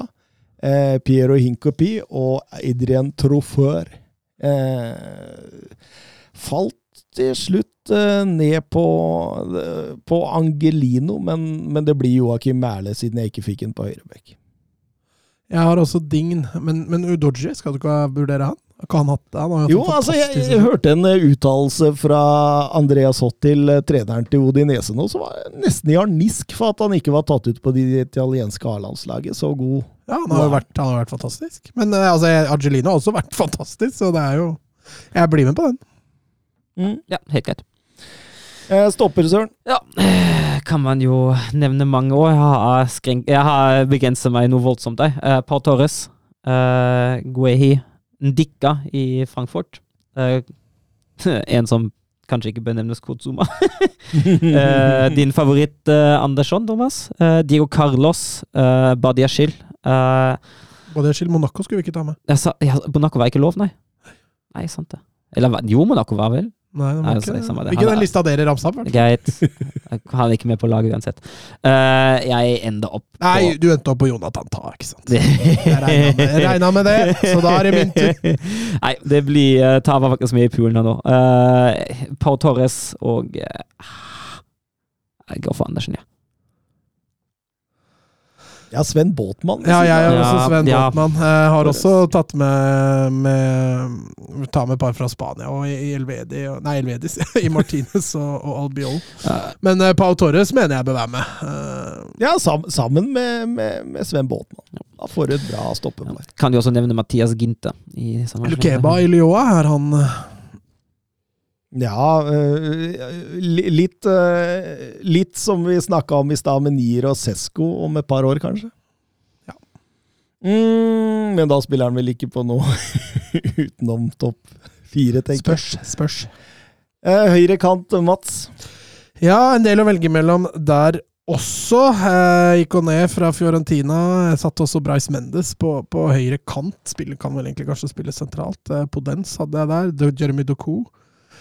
Nico Williams, som har hatt en strålende start og landslagsdebut. Eh, Berardi. Eh, og så har du også eh, Jared Bowen fra, fra Westham. Landa til slutt egentlig på én av to via realspillere, enten i Jeremy Pino eller i, i Chukwese. Og den forelskelsen jeg har på Chukwese, så, så landa jeg på han. Mm. Mm. Eh, For meg, faktisk Jeg har tok ikke mer sjokkvese engang. Jeg, jeg, jeg, jeg sto og tenkte lenge mellom Bowen og eh, Benjamin Borge i, i renn. Uh, endte på Bowen, så da får vi høre med Søren, da. Jeg endte egentlig opp uh, på På en som kan, som, som kan spille begge kanter, og det er Diaby. Moussa Diaby i Leverkosen. Ja, han har jeg på den andre kanten. Ja, det er greit nok, det òg. Ikke, ikke, ikke i elveren, da. Ja, nei, ja, jeg synes han er Jeg har også han i Polen på Ja. venstre, Ja, fordi ikke han, i laget. han i Newcastle, han, han, Ja, må, det, er- han det er han i. Newcastle som havner på min venstre side, og det er derfor jeg har sky- skyvet Diaby på høyre, for han har vært helt enorm i i det siste. altså. Mm. Kanskje ikke helt denne sesongen, her, men det han har vist i, i forrige sesong, det har vært eh, klasse. Høy, høy klasse. Da står vi med tre forskjellige, da. Diaby Chukwueze og Bowen. Ja, da blir det tre høyrekanter. For det- Her tror jeg ikke det er så mange som flytter seg, faktisk. Eh, jo, for i forhold til hva jeg vil ha med seinere, så kan jeg ha en til gode. Så kan jeg Ja, nei, det kan ikke jeg love at du får igjen, faktisk. eh, Nei, da Altså, programleder har jo vetorett, eh, er ikke det? Den kontrakta har jeg aldri sett, faktisk. Nei, men la oss si jeg skal være kul og slippe Bowen, da, så vil jeg ha sjokoese, tror jeg. Åh, deilig. Venstrekant, eh, er det meg? Ja. Men da ble vi ikke enige om Maximæ? Ja, det, det, det sto veldig mellom Maximæ og Oyarzabal. Ja, og eh, Saha syns jeg også kan eh, nevnes. Eh, Pedro Neto, men har ikke han hatt noe god siste? Eh, jeg hadde også med, med Gordon eh, i Everton. Ja, absolutt. Absolutt. De kan nevnes. Uh, Sinisterra og Martin Terrier også kan nevnes. Men eh, jeg, jeg tenker sant Maximæ, altså. Er ikke det Ja, jo, den, den er jeg helt enig i. Er deiligst. Sexy. Det er ganske sexy. Så kom vi Her fant jeg mye, altså. Ja, det ikke, Sentral midt. er ikke midt i dag, da? Jo, jo, men jeg bare sier at jeg fant mye, og så skulle jeg sette det over til deg. Nå må ikke du bli så ivrig, Dupker. Må du roe deg ned i stolen der. Jeg fant, my- jeg fant mye, jeg òg. og så har jeg skrevet ned en som jeg mener er klink, og det er Declan Rice. Uh, Mm. Først jeg kom på Skal vi begynne å ha dype midtbanespillere nå? Ja, vi skal, vi skal faktisk balansere litt det laget Nei, her, Mats. det er det dummeste jeg har hørt. Nei, men det er Altså, jeg, jeg syns han er selvskreven på det laget der. Uh, jeg veit ikke engang om jeg er villig til å diskutere det. Uh, Nei, jeg er for så vidt enig. Uh, og så er det jo mye uh, man kan velge mellom ellers. Eh, for meg står det mellom to, eh, som part, kan partne seg opp med, med Rice, og det er Florian Wirtz i Leverkosen og Sergej Milinkovic Savic i Lazio. Det er én av de to. Eh, jeg har ikke kommet helt på det regnet i meg sjøl, hvem av de to jeg vil ha. Heller kanskje litt mot, uh, mot Wirtz, for jeg syns han er en så ufattelig kul spiller. Eh, men hvis det går på, på meritter og på ren kvalitet sånn akkurat nå, har det vært, kanskje vært SMS. Mats? Ja, ikke så mye å legge til der. Altså, du har et par i, par i Premier League. Altså, en Ward Prowse har jo vært solid i Southampton, og du har en eh, Du har en Tilemanns i Leicester, og Kanskje du kan nevne Mirino fra, fra La Liga, men uh, Fofana fra Lans er jo også veldig spennende. Eh, men ja, at det blir Milenkovic Savic er vel ikke så veldig mye å si på, sånn sett. Eller, eller Wirtz, for den saks skyld. Jeg Men, men, men jeg Jeg juksa litt, jeg, vet du. For jeg satt Declan Rice og Sergej Milinkovic Savic på sentralen mitt, og så skrev jeg på den ene spissplassen Florian Wirtz som hengende. Ja, men det er helt innafor, det. ja, men det er jo 4-4-2. Ja, Ja, men, ja. uh, ja, men det er helt Ja, greit. men jeg kan ikke love at jeg blir med på Wirtz som spiss. Altså. Ja, men det blir du overstemt av to mot én, da. Ja, så det, det, det der har du Ja, men som uansett. deltaker i denne podkasten, så har jeg veto. Nei, men jeg kan fint leve med den også. Den er, den er fi, Det er en fin løsning. Ja, Det er en fin jeg syns- syns det, syns bra. det. Fordi det er så få spisser å velge mellom, syns du? Eller? Ja, voldsomt få. Jeg har ikke jeg, Du har ikke en eneste en? Nei, nei, da er det greit. Da blir det Wirtz. Hele laget ser veldig mye bedre ut med, med Milenkovic Savic og Rice som sentral, og med Wirt som Ja. en sånn ja. hengende spiss. nesten fri rolle. Mm. Og da kan du eh, Da kan vi slenge opp med en spiss ved siden av Wirtz, eh, Mats. Ja, det er mye mye å ta tak i der også. Uh, mye, mye, mye snadder. Uh, Danjuma og Moreno kanskje de største kandidatene fra, fra La Liga, sånn sett. Skikk, som jeg nevnte i stad, bør jo kanskje være med å diskuteres rundt. Eh, Calvert Lewin, Ivan Tony. uh, Ollie Watkins, kanskje. Uh, nei, jeg er ikke så veldig Mitrovic. ja. ja, for Vlavic er uaktuell, i hvert fall. Uh, nei, jeg vet ikke. Immobile kan også kanskje nevnes. Jeg har egentlig ingen favoritt på den spissplassen. Nei, du Så, så, så du Ja, ville kan egentlig ikke ha få fordi du ja. Jeg trodde du han hadde to klink. jeg ga opp, jeg nå. Jeg mista, jeg mista lysta. Jeg trodde du hadde to klink som du skulle kjempe for, jeg, siden Nei, virits og spiss. Nå har, nå har, dette, nå har dette konseptet glidd ut, faktisk. Nei, for han kan jo Han hadde fint klart seg i en spissrolle, han. Ja, ja, Kai Havertz òg gikk kjempebra med han. Hvem har du ved siden av Wirtz, da? Hadde jeg lov å ta Osimhen? Napoli? Jeg følger ikke Napoli så tett, gjør vi? Nei, men vi følger jo Napoli ganske Ellers hadde Kvadriaskela og masse vært innom det. Greit, da. Uh, nei, da går jeg vel for Immobile, ja. Ja, Patrick Schick, faktisk. Men jeg kan stemme for Immobile, altså. Siden vi Jeg kan bli med på begge de to hvis vi dytter ut Wirtz. Det kan vi ikke, Mats. Vi skal ha Wirtz på laget sammen med Immobile. Å, se så snill Thomas ble der! Mm. Da ble du snill. Ble jeg snill? Ja, du ga bort uh, skikk så lett. Ja, Har du- har du fått deg ny beste men, jeg er jo litt enig med Søren at uh, jeg føler jo at han må vise litt mer enn dette EM-et og fjorårssesongen. Han må bekrefte det på en måte. Samtidig, da, den lista vi hadde med beste niere den hadde blitt litt useriøs hvis vi hadde dytta en skikk før. I, i mobile der. Eh, Bernt Olav Gjelegjerde Hansen, eh, Paul Pogba. eh, Som både lat og fantastisk fotballspiller, familierelasjoner, heksedoktor osv. Har han oppnådd nok til å få stempel som en fantastisk spiller? Eller har han kastet bort et fantastisk eh, talent eh, på rør, vås og tull? Og så henviser han til nok en uttalelse fra denne Mathias Pogba, hans bror, som melder at sannheten vil komme for en dag, som med Harvey Weinstein og R. Kelly, Oi. og at det ikke blir pent. Nei, men, men sånn, som, sånn som han er i ferd med å avslutte nå, så blir han jo en klovn til slutt. Han var aldri så jækla god at du, at du sitter igjen med den følelsen av at dette var en fantastisk fotballspiller. Men han var jo det. Han var jo en fantastisk fotballspiller, men alt det klovneriet og tullballa som, som er rundt han nå, så er det dessverre det du sitter igjen med hvis karrieren hans er over nå. Altså. Ja, men Jeg er helt enig, men samtidig altså, hvis, vi, hvis vi ser da karrieren hans under altså, Ja, han har vunnet et VM-gull, eh, og det, jo, det skal jo telle noe. Han har vunnet en del titler med Juventus. Han har vel eh, ikke så voldsomt mange titler med United, det er vel en uh, ligacupseier eller noe sånt. da. Uh, og, Og- Europaligaen? ja, ja, det er sant, det. Ja. Eller var eh, Jo, han var Det er Europaliga, ja. Det var, det var Europaliga, sorry. Med, Um, med nisselue på, han men- slenger seg på her, og så sier han at eh, Mourinho hadde rett. Uh, han er jo et virus. Ja, men altså, altså det er noe med Hvis, hvis du ser den, de årene Pogba faktisk har vært aktiv Han har gjennomgående ikke spilt på klubber fra sportslig absolutt, absolutt øverste hylle. Uh, jeg syns uh, Altså, ja, han har spilt for store, eh, tradisjonsrike og viktige klubber, for all del. Men det, altså, det er jo en grunn hvorfor ikke han har vunnet noe Champions League. Uh, en grunn hvorfor ikke han har mer enn uh, de seriegullene med et fullstendig overlegent Juventus enn det han er. Eh, og jeg mener jo at, at han Altså, ja, han har titler, og ja, hvis man leser karrieren med tanke på klubben han har spilt for, og alt det der, så er ikke det det dårligste heller, men jeg mener jo absolutt at han har kasta bort en god del av potensialet sitt på tull. Men broren hans, Han er nok ikke helt god, han heller, tror jeg. R. Kelly og Harvey Weinstein, snakker vi ikke barnepornografi og sånt da? Snakker vi faktisk ikke overgrep Ja, ja. mot barn? Ja. Eh, bare det å slenge det i en setning om Paul Pogba, det, det går jo Altså, da, da, da, da begynner jo spekulasjonene å komme, da. Ja.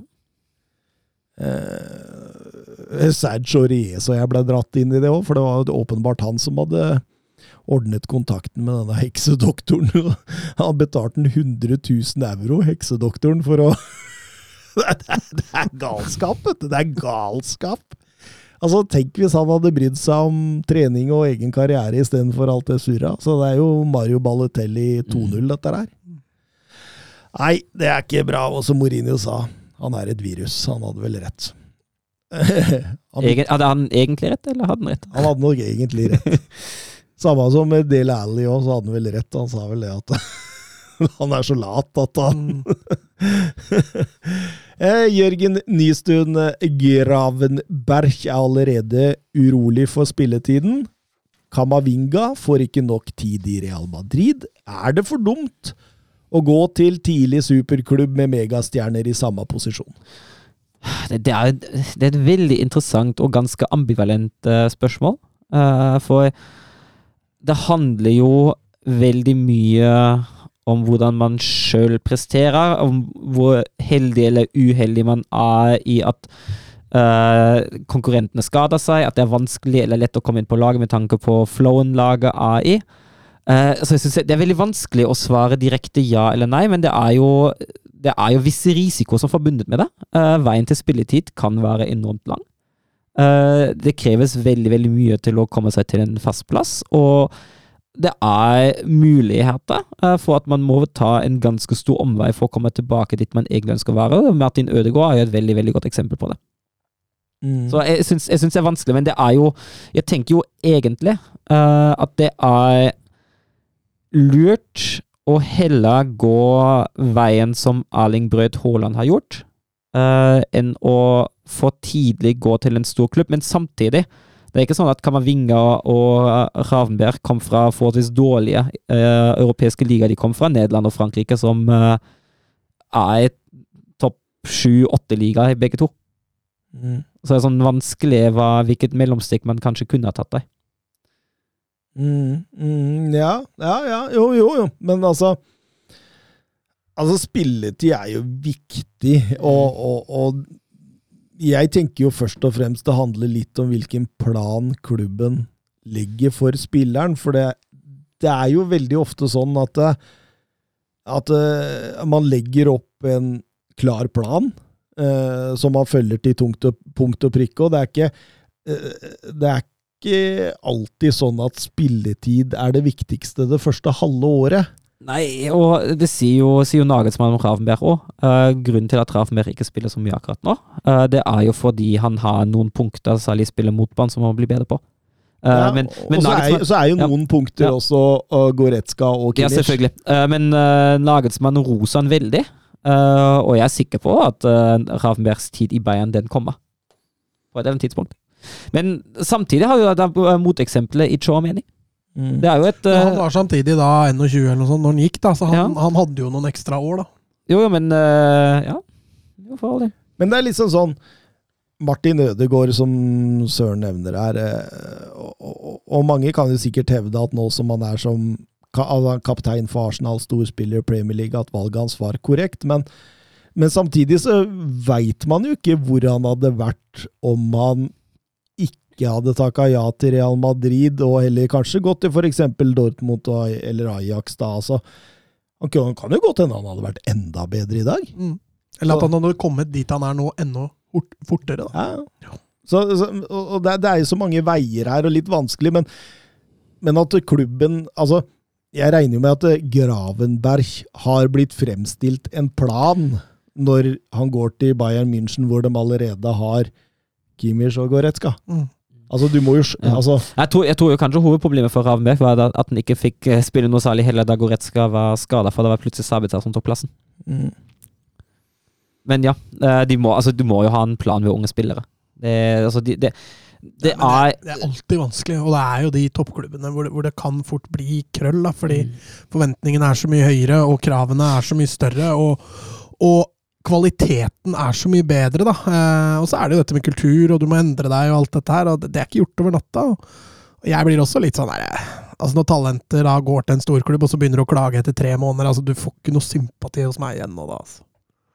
Jeg mener, det, det valget har du tatt, og det, det er ikke lenge siden du tok det, så da får du, da får du stå i det, og så får du jobbe enda hardere. altså. Ja, altså er vi, er vi nettopp i begynnelsen av uh, en ganske så tøff høst med mange, mange kamper. Nei, han, han får bitre i seg litt til. Steffen Hansen, snakk litt om Juventus og hva som har gått galt der. Hvordan kan de fikse det? Og vi, vi var jo litt inne på dette i forrige episode, at det kan være dette tilfellet mm, starte litt opp på nytt. Eh, altså, jeg tror jo kanskje det gikk allerede galt da klubben ville egentlig gå en, et steg i en litt mer moderne fotballretning på banen. Ja, jeg tenkte mest på Sarri, men uh, Ja, han før Pirlo. Ja, Mm. uh, men at det viste seg å Altså, Sarri er jo det ene. Uh, om man nå var for utålmodig eller ei. Det bestemte seg for å avslutte, og så ansetter man en uh, Egentlig en newbie på trenerfronten. Uh, og så konkluderer man da med et av de to at nei, den moderne, den moderne, spillestilen der på banen, den er ikke noe for oss. Vi går tilbake til same old, same old. Og det er jo kanskje et symptom på Juventus, da. At det er jo en klubb som på en måte må finne, finne sin filosofi på banen. Som må fornye seg, som du sier, Thomas. Starte på nytt. Ja, ja, jeg er helt enig med deg, Søren. Det også virker nesten som klubben har liksom slitt litt med å identifisere helt hvem de skal være, og, og hvor de vil. Altså, jeg tenker jo på det der når de, når de i sånn, det var 2017-2018 og sånt, hvor de, det åpenbart var litt lei av å vinne Scudettoen og skulle ta steget til å vinne Champions League. Mm.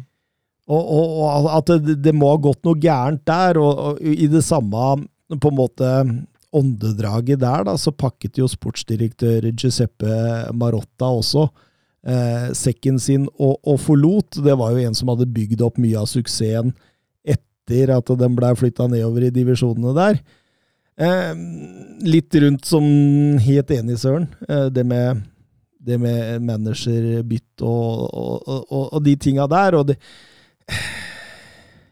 Jeg sliter litt med Agnelli òg, jeg eieren der, som virker som er mer opptatt av økonomi og Superligaen og sånt han er enn å bygge lag nå, enn Pavel Nedved som sitter der og er nikkedukka hans. Eh, må inn nytt blod, mener jeg, både i administrasjonen, på trenerfronten, i spillertroppen. Eh, svært få unge spillere i det laget der som har en viktig rolle. Altså, det er vel bare Dusan Blavic og, og Federike Chiesa i så fall, men Chiesa er jo stort sett bare skada. Eh, så det, mye har gått gærent, og jeg tror det var i det der 2018-2019, det, det der, den mm. tida der.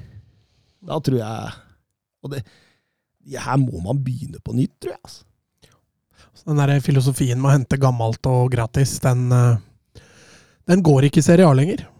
Du, du, blir forbigått både på innovativitet, holdt jeg på å si, hvis vi kan kalle det det, og og, og, energi og, og det, det, solide fundamentet til Juventus med å skåre ett, maks to mål per kamp, det holder ikke til tre poeng lenger. Uh, så de, de, må fornye seg. Altså, i 2019 Nei, i, i, i, i 1920-sesongen, før 1920-sesongen, da kjøpte de Christian Romero og Meri Demiral i samme vindu. To outstanding stoppertalenter. Ingen spiller der nå. Begge storspiller i andre klubber. Mm. Eh, og, og, bare dette med Kulusevski og Bentancour, da, det er så relativt anonyme tilværelser i, i, Juventus, og så er det rett til storspill i Premier League, og det må jo være et varsku? Det må jo det. Uh, at, uh, at, spillere Altså, det, det, det er et kjempesykdomstegn at spillere presterer andre steder enn i egen klubb, og det er jo altså særlig Altså umiddelbart? Ja, liksom. det er det ene, og det andre at det er ikke at de har gått et steg ned. Uh, det er ikke at de har gått til en dårligere klubb for å få litt lettere arbeidsforhold. Å oh, nei. Det er spillere som uh, kvalitetsmessig faktisk har gått et steg opp. Mm.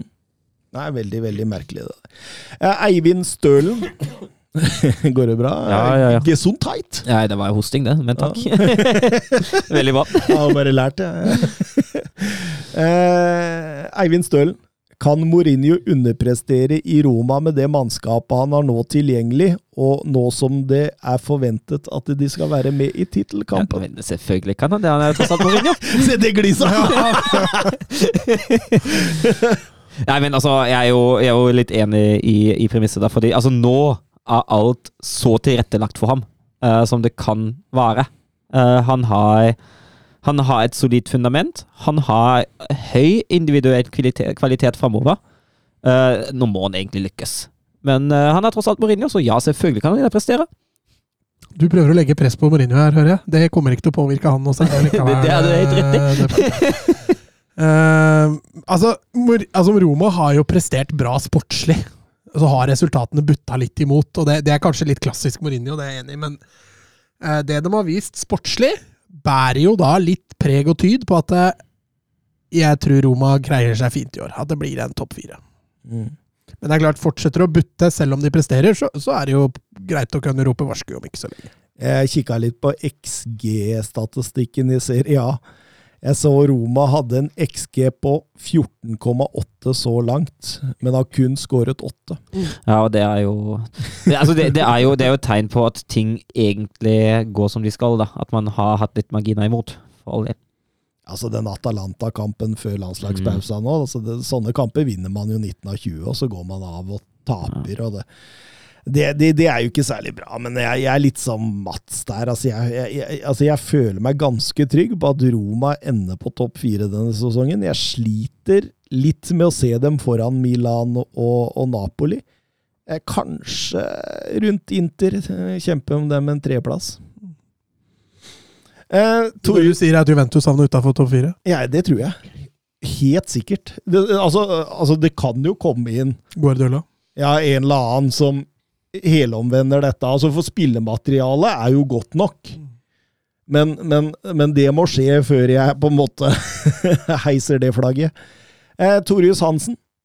Eh, blir det litt som med sportsdirektører som med managere? At det kan være enklere å hente spillere til én klubb kontra en annen. Tenker f.eks. på Louis Campos, som går fra mindre klubber som Monaco og Lille til store Paris Saint-Germain der det vil være andre krav og standarder. Der tenker jeg det er veldig todelt. Altså det å hente en spiller til PSG vil jo antageligvis være enklere, fordi klubben er mye større. Samtidig så vil det være vanskeligere, fordi klubben du henter den fra, vil antageligvis ha mer penger. Fordi du veit du er PSG. Så akkurat det der tror jeg er litt, eh, litt todelt. Eh, er kanskje PSG ikke det rette, det beste alternativet, da, med tanke på at eh, jeg tror de fleste vil til Premier League. Så om du er en sportssjef i Everton eller om du er en sportssjef i City, tror jeg er eh, to ganske forskjellige ting. Mm, mm. Ja, historien er jo lang på sportsdirektører som har lykkes i en klubb og, og mislykkes i en annen. Eh, spesielt hvis de må hente spillere på litt sånn forskjellige hyller. Mm. Eh, det er også meget viktig å ha en dyktig sportsdirektør. Eh, ofte snakker man jo kun om manageren, men Eh, men manageren er jo avhengig av en sportsdirektør for å kunne bygge laget sammen med. Litt som Tuchel, som, Tuchel i Chelsea? ja, han hadde, jo, han hadde jo ingen. Nei, nei, men Bowley der, som henter spillere han overhodet ikke har bruk for. ja, Men liksom, altså, de, de, de perfekte samarbeida, da. ikke sant? Michael Edwards og, og, Jørgen Klopp, hva de gjorde i Liverpool. Du har jo eh, Pep Guardiola og Bergerstein i, i Manchester City som virker å på en måte snakke samme språk, da eh, Paratesi og Conte, du har Edu og Arteta i Arsenal nå, så ser det ut som Altså, det, det, virker som at de begge jobber og drar mot det samme. Ja, Galtier og Campos kan nevnes. Ja, ja, ikke sant. De, er, de elsker jo hverandre. Mm. Så, så, så, Men ja, ja, altså eh, Veldig viktig akkurat dette her. Og det kreves jo et samarbeid og en felles visjon, og at man på en måte klare å tilpasse seg etter klubb. Da. Og I en mindre klubb så får man kanskje litt mindre utvalg, og, og kanskje jakte litt mer talentbaserte og inntjeningsbaserte spillere. Så det Nei, det men, men, de klubbene som på en måte virkelig lykkes, da Det ser jo ut som det har en sportsdirektør og en manager som klarer å samarbeide. Ja, og en klar filosofi. Det tror jeg er vel så viktig. At du, at du veit akkurat uh, hvilke spillertyper som passer. At du har en pool av spillere som du kan hente, uansett om du er en stor klubb eller en liten klubb. Laget som går litt dårligere, mangler en klar sportsdirektør, som f.eks. Manchester United har gjort de siste åra. Så du, du, finner en sånn Hva heter sportsdirektøren i Westham? Eller hva heter han som har ansvar for å kjøpe nier i Westham? ja, nå, nå har jo de den, den, rollen har jo blitt fordelt gjennom en haug av sportsdirektører, men, men, jeg tror jo det er stort sett eiere der eh, som, som styrer mye av showet i Westham. Okay. Så uh, Tenk om det har vært én som var ansatt for å kjøpe nier i Westham. Det var elleve sportssjefer. Én til hver posisjon. Eivind Stølen igjen her. Uh, ifølge ryktene skal Galtier ønske å beholde Messi etter kontrakten i PSG går ut neste år. Eh, med tanke på hans spill så langt i år, Hva burde han gjøre? Signere ny kontrakt, gi seg på topp, eller trappe ned og gå til Barcelona? Og I så fall er det plass til både han og Messi. Trappe ned og gå til Barcelona? Den, Trappe ned eller gå Å ja, til og eller gå til Barcelona. Ja, men han har, han har vel sjøl uttalt at han ønsker å Tidenes spark til deg! Trappe ned og gå til Barcelona. Han har vel uh, sjøl uttalt for noen år siden at han har lyst til å avslutte karrieren i hva var det, Newells Old Boys? Ja, men Han har sagt flere. Han har også sagt han vil avslutte i MLS. Han, Ja. eh, han har blitt sitert på flere. Ja, ok. Ja. For han har han- ikke fra Eller har han ikke en tilknytning til Newells? Eller dette? Jo, han er jo barndomsklubben hans. Ja, ikke sant. Uh, så Altså, det kan jo fort hende at han etter VM uh, tenker seg at uh, nå er det nok. Det var den sesongen. Eh, nå er det Ja, men han fullfører sesongen. Det, det, det gjør han. Det gjør han. Altså, at, ja, det gjør han definitivt. Men eh, med Han tanke, med, ta, med tanke på hvordan han har spilt uh, i år, uh, og hvis han klarer å, å holde den formen, så er det jo klart at da har han jo da har han jo absolutt noe i en europeisk toppklubb å gjøre. Ja, den formen han har vist i år, så viser han jo at han hører hjemme. Spørsmålet er om han ville Altså, Du ser jo Ronaldo nå, han fader veldig ut i Premier League, så han er for gammel der. Ehm, så er spørsmålet Hadde han klart en god sesong til i Barcelona, så hadde jo sikkert det vært en liten drøm for han, og så fått uh, avslutta der. Eh, jeg tenker det at når han er ferdig til sommeren, så, så tror jeg kanskje jeg hadde trappa ned og så flytta tilbake til Argentina. Jeg hadde vært han. Mm. Jeg, altså, jeg tror han har tjent penga sine, da, for å si Ja, det han sånn. Så jeg tror ikke det er noe krise for han å flytte hjem igjen da, hvis han klarer å avslutte litt på topp. da. For nå, Mm. den sesongen han går mot nå, er jo i ferd med å bli en knallbra sesong. Har råd til yoghurt på brødskiva, han. Han eh, tar seg nok en brelett på brødskiva, det tror jeg. Eh, Petter Støvland. Porcetino skal ha sagt nei til NIS. Scott Parker neste på listen nå. Er Lucien Favre ferdig? Er eieren til NIS samme fyr som forsøker å kjøpe Manchester United av Glazers? Og, og det er det jo. Altså, eieren til, eh, til Lyon, eh, Jim Ratcliffe, eh, han har jo forhørt seg mye rundt Manchester United den siste tiden. Er en sånn kje, kjemiingeniør som har skaffa seg en enorm formue gjennom selskapet Inios Chemical Group.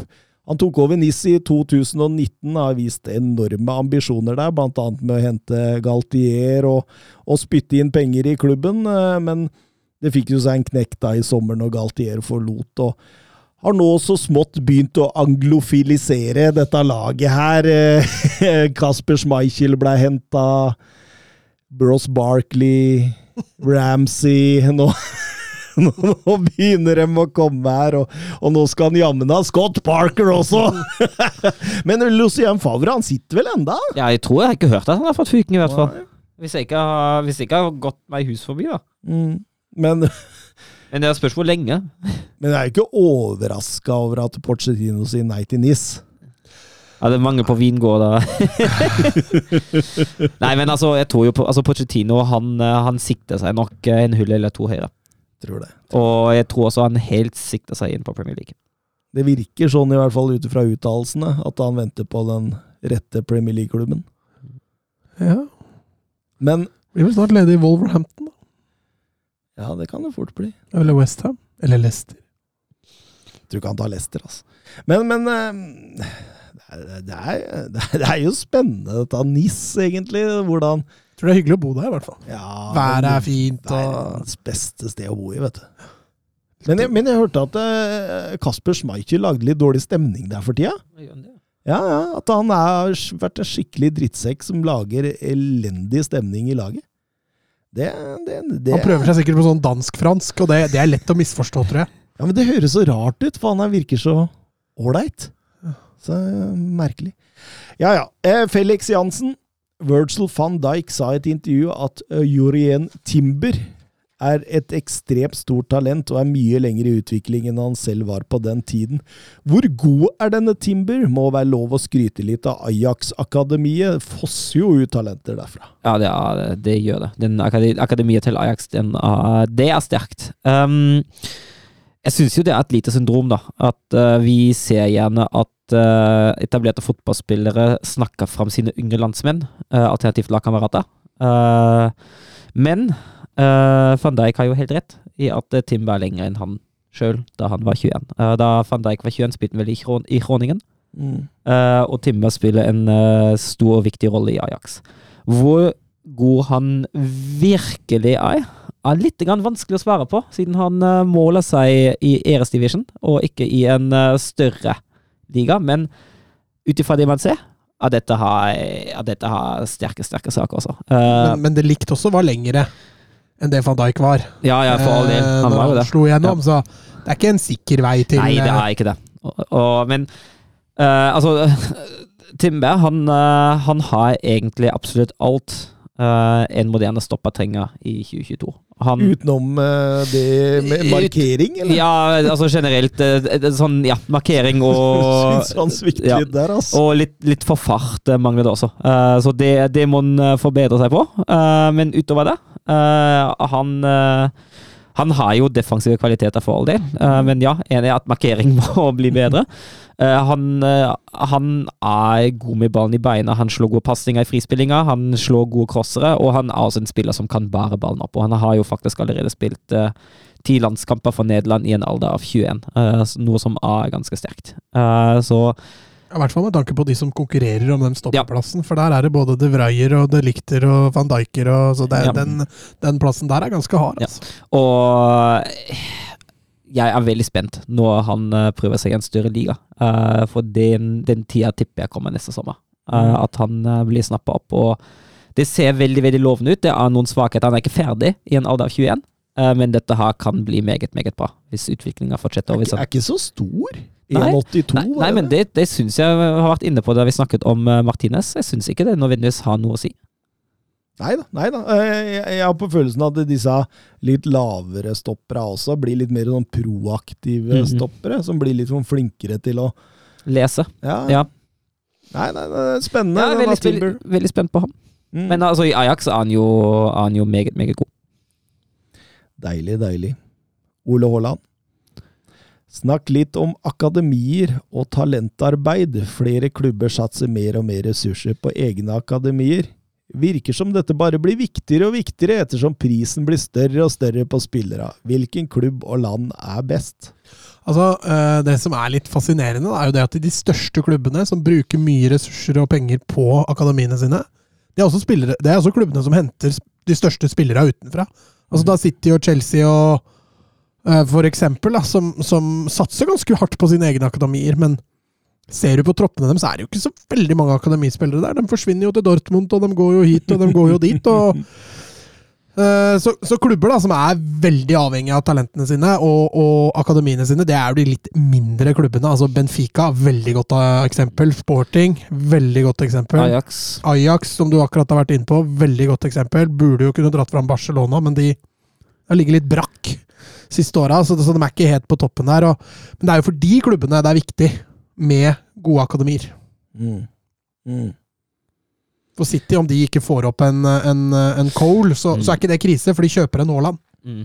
Jeg synes Vi har vært inne på det før. Jeg synes Det er litt sånn Det er litt vanskelig det med hvilket land som er best, fordi det er så vanskelig å sammenligne Ja, det er vanskelig å sammenligne land på land. Ikke minst er det økonomiske forskjeller, men også forskjeller i folketall. og det, det, det er så mye å ta hensyn til i forhold til hvordan man skal måle de opp mot hverandre, da. Men eh, hvis det er noen som skiller seg ut as we speak, så syns jeg det er Nederland, Portugal, Spania, England, og så Brasil og Argentina utenfor Europa.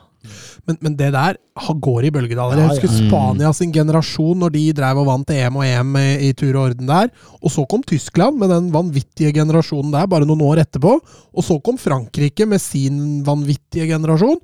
Og nå føler jeg egentlig at det er Portugal eh, som er i ferd med å få en sånn voldsom generasjon, kanskje sammen med Italia. Selv om de nå røyk ut av VM, så, så har også Italia endelig begynt å få opp noen noe klassespillere. For der har det ligget brakk lenge nå. Men jeg er jo enig med Haaland her, da. At det, altså når du ser at en Diogo Yota kan gå for 60 millioner pund, når du ser eh, Alexander Isak kan gå for 70 millioner euro, at Manchester United betaler over 160 millioner euro for Casemiro på 30 år, og en Antony som knapt nok har kjent på nivået. Ja, men betalte de ikke 160 for Anthony og Martinez, da? Nei, jo, det var vel dette sammen, ja. Ja. ja. Altså, det, altså, skal vel ikke mm, Ajax skryte på seg Martinez da, med Leva Anthony, men det sier litt da hvor viktig det er å ha gode ungdomsspillere i en klubb. Ja, og altså, det er jo, altså, det er jo selv de klubbene som ikke nødvendigvis er kjent for sine store talenter, de som er litt sånn oppe og prøver å nikke liksom bak de beste, Uh, de prøver jo også mer og mer å hente ungt, uh, bygge lag rundt dem og selge de dyrt når de har utviklet seg videre til de store klubbene. Ja, og det er jo blitt et, eh, et businessmodell, så jeg, jeg, I likhet med deg, Thomas, er jeg helt enig i at det skyldes nok uh, det overopphetede eh, overgangsmarkedet, der de store klubbene bare pumper inn mer og mer penger. Men jeg, hvis jeg skal kåre det beste akkurat per dags dato, så tror jeg faktisk Ajax. Hvis du tar de siste åra. Altså, mye penger fikk de for De Ligt og de Jong der Ja. i samme overgangsvindu. Det var vel nesten 1,7 milliarder eh, kroner. Uh, og så nå fortsetter de bare å pumpe ut uh, talenter som de riktignok kanskje ikke utvikler sjøl, men som de har henta unge. da. Eh, og så er det som Thomas sier, både, både Benfica og Sporting, og til dels Porto. eh, Jeg, jeg, jeg, jeg så litt på den Benfica den siste åra. Bernardo Silva, Ruben Diaz, Joao Felix, Joao Cancelo, Ederson, eh, Gonzalo Gedes, Renato Sanchez, Gonzalo Ramos. Eh, Ramos er ikke solgt ennå, da. Nei, nei, men, eh, men som har kommet opp Ja. gjennom akademiene. Ja, så, eh, spo, sporting, da. Eh, de har jo noen gode gamle i Figo, Nani og Ronaldo. Det, det er ikke småtteri, det. Men i nyere tid også. Rafael Leao, Nuno Mendes, Erik Dyer, Joao Palinha, Gonzalo Inacio. Ikke Bruno Fernandes. Eh, jeg, tror, jeg tror ikke han, Gikk ikke han gjennom akademiet til Var Famalicao? Nei, jeg vet ikke. Det. Ja, det der, der eh, Når du sier det, altså. Han var vel i sporting før han gikk til Italia, så ikke tilbake igjen til sporting. Var ikke Ja, det? men jeg tror Jeg lurer på ja, om han ikke var i akademiet deres. Det er interessant eh, når, du, når du sier det, liksom. Nei, jeg vet ikke. Det er ikke, det er ikke krise for meg å ikke vite. Ja, men jeg ble veldig, veldig interessert nå. Nei, det, han har ikke i Sporting-akademiet. Han har vært en tur innom Boavista-akademiet, men Novara-akademiet. Så ikke Sporting, med andre ord. Han blir tenta til Sporting eh, Jeg skjønner ikke helt den der her, for det står at eh, han gikk fra Novara til Odinese, så til Sampdoria og Sporting. Jeg trodde han var i sporting, men det har han faktisk ikke vært. faktisk. Åpenbart ikke. Men det er jo Han er jo fra Boavista-akademiet. Mm. Det er jo der han uh, hadde flest år, siden. jeg. Mm, mm. Og så kan det være en sånn klubb som Dortmund, da, som ikke Mm. nødvendigvis eh, gjennom akademiet er så dyktig, men er veldig flinke til å forvalte unge talenter. Ja, og oppveise seg et enormt rykte blant unge talenter i, uh, i Europa. Så skal vi gi en liten kudos til Chelsea òg, som De har ikke noe voldsom historie. Jeg fant vel bare John Terry omtrent der, men i nyere tid, da med Declan Rice, Mason Mount, eh, Reece James, Fikare Tamori, Temi Tammy Abraham osv. osv. De er ikke like gode til å forvalte det, da. Nei. Og det var litt det jeg mente når jeg dro inn Chelsea og City. Mm. Altså City har jo også enormt mange store talenter som blir leid ut, eller forsvinner sakte, men sikkert. Eh, og Det samme kan sies om Chelsea. altså Mason Mount skal vi ikke glemme. Han har vel definitivt slått igjennom, selv om han har en liten dupp nå. Eh, men, men de har slitt litt. Tomori forsvant, Abraham forsvant. eh, Declan Rice greide de ikke å holde på.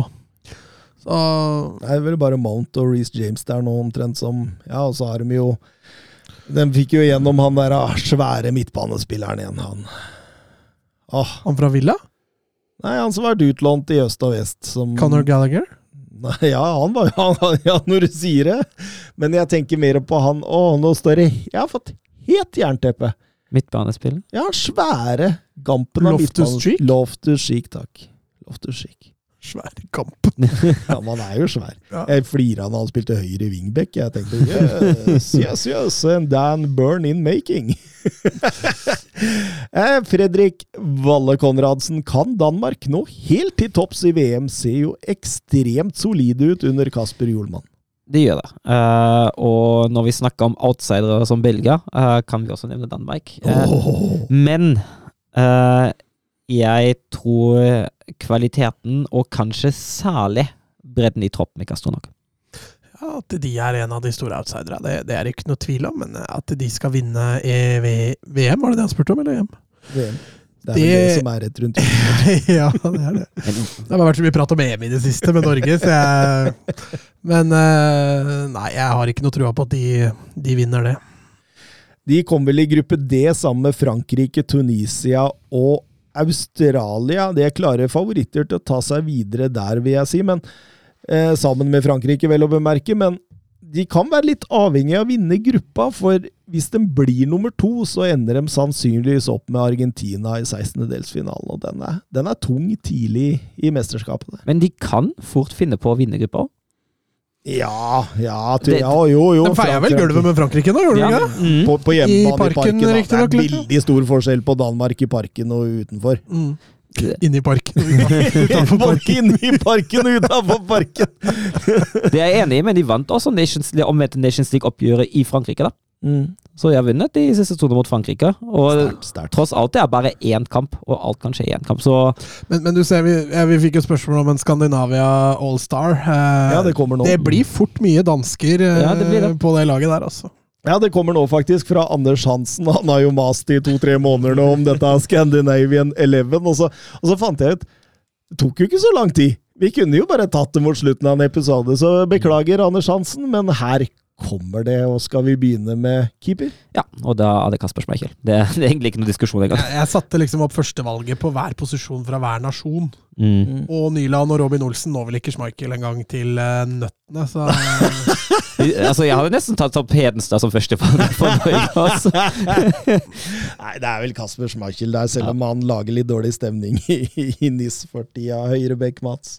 Ja, da er jeg eh, Altså, den er litt vanskelig med mæle. Skal vi sette han på den høyre eller den venstre? Men altså, Markus Holmgren Pedersen og, og Emil Kraft er ikke Nei, der, der syns jeg Ryerson er opp, eller, høyere opp enn Holmgren Pedersen. Også. Nei, det er jeg helt uenig i. Nei, jeg synes Ryerson... Ryerson er kanskje ikke det han har prestert i Union Berlin, men det han har prestert på landslaget de to kampene her, Jo, jo, det er der har Holmgren Pedersen vært langt foran. Det er jeg enig. Men uh, jeg syns i det dagligdagse hva med Rasmus Christensen, da? I, i Leeds syns jo han er strålende. ja. Men altså, jeg lander på Mele, jo. Jeg gjør det. Jeg bare er uenig i at Ja, men jeg er litt enig med Thomas der, for venstrebekken er ikke så jækla mye Ja, enklere. Mele der, skjønner. Ja, ja, ja. da blir, da, blir det jo, forrige. da blir det jo heldansk forsvarsfirer, da. Ja, gjør det det? Ja, det kan gjøre det. Altså, Andreas Christensen og uh, Joakim Andersen mm. eh, danker vel ut de fleste der. Altså Kanskje Lindeløf, men Nei, Ja, jeg løste i går. kanskje Østigård. Nei, Ja. Østigård, nei. Nei, Altså, det, blir, det blir jo fem danske bak, da. Mm. Christensen i Barcelona og Ja, Andersen okay, i ok, men Hvis vi skal ta de fem beste, da, så er de fem beste danske. Ja, det er greit. Oi, oi, oi, oi, oi, oi. Men eh, vi får en svenske på høyrekanten. Det gjør vi. Uh, eh, Dejan Kulusevski. men men den, den også er litt vrien, fordi det er litt kjipt å med Martin Ødegaard. Vi setter han på venstre. Ja, det har jeg også gjort. Jeg har sett han på venstre for å ha plass til to danske midtbanespillere. Får vi en innover eh, Ok, ok. Får vi Kulisevski utover og Martin innover. Det går fint. Martin blir jo utover, da, og Kulisevski blir innover. Ja, stemmer. stemmer. Jeg sa feil. Ja. Eh, Det blir fint. Ødegaard som en sånn klassisk kant skal dra seg rundt og slå innlegg. Det høres ut som han. Ja, for nå, nå kommer det jo to sentrale midtbanespillere Ja. som sannsynligvis er danske, de òg. Ja, det er jo, det er jo P. Emil Høbjerg og Christian Eriksen. det blir mye dansk. Ja, altså, det eneste som kunne utfordre her, er jo Forsberg, kanskje. da. Eh, Ja. Altså, Svanberg er vel ikke helt der oppe ennå. Nei og Sander Berge viste jo nå at han har et stykke igjen. Og Martin Ødegaard kunne det hvis vi ikke satte den ut på venstre. Mm. Ja, altså, du har jo Langa, da. Eh, men Nei. Nei. Nei. Nei. Men på topp tror jeg kanskje vi unngår dansker, faktisk. Det kan vi fort gjøre. Eh, Den ene er i hvert fall Den den, er kanskje klink. mest selvskrevne på hele laget. Erling Braut, uh, Braut Brunes, holdt jeg på å si. Erling Braut Haaland. um, Og Jonathan Braut Brunes nummer to. og Albert Braut Kjåland. Uh, og Alf Inge Haaland som manager. Men spiss nummer to Altså, jeg, jeg, jeg lander på Zlatan. Ja, jeg òg. Vi kan, eh, vi kan nevne vi Det er så sjukt, han har jo ikke spilt fotball på et år. Nei, nei, men hvis vi, altså, hvis vi tar ut det laget Ja, nei, men det er sant. Hvis vi skal ta ut laget med best form Ja, best form i hvert fall ikke Zlatan. Hvis, vi skulle, hvis det landslaget her skulle spilt en kamp i morgen, så er jeg enig, da tar Zlatan. Det er jo selvmord. Ja, det blir vanskelig.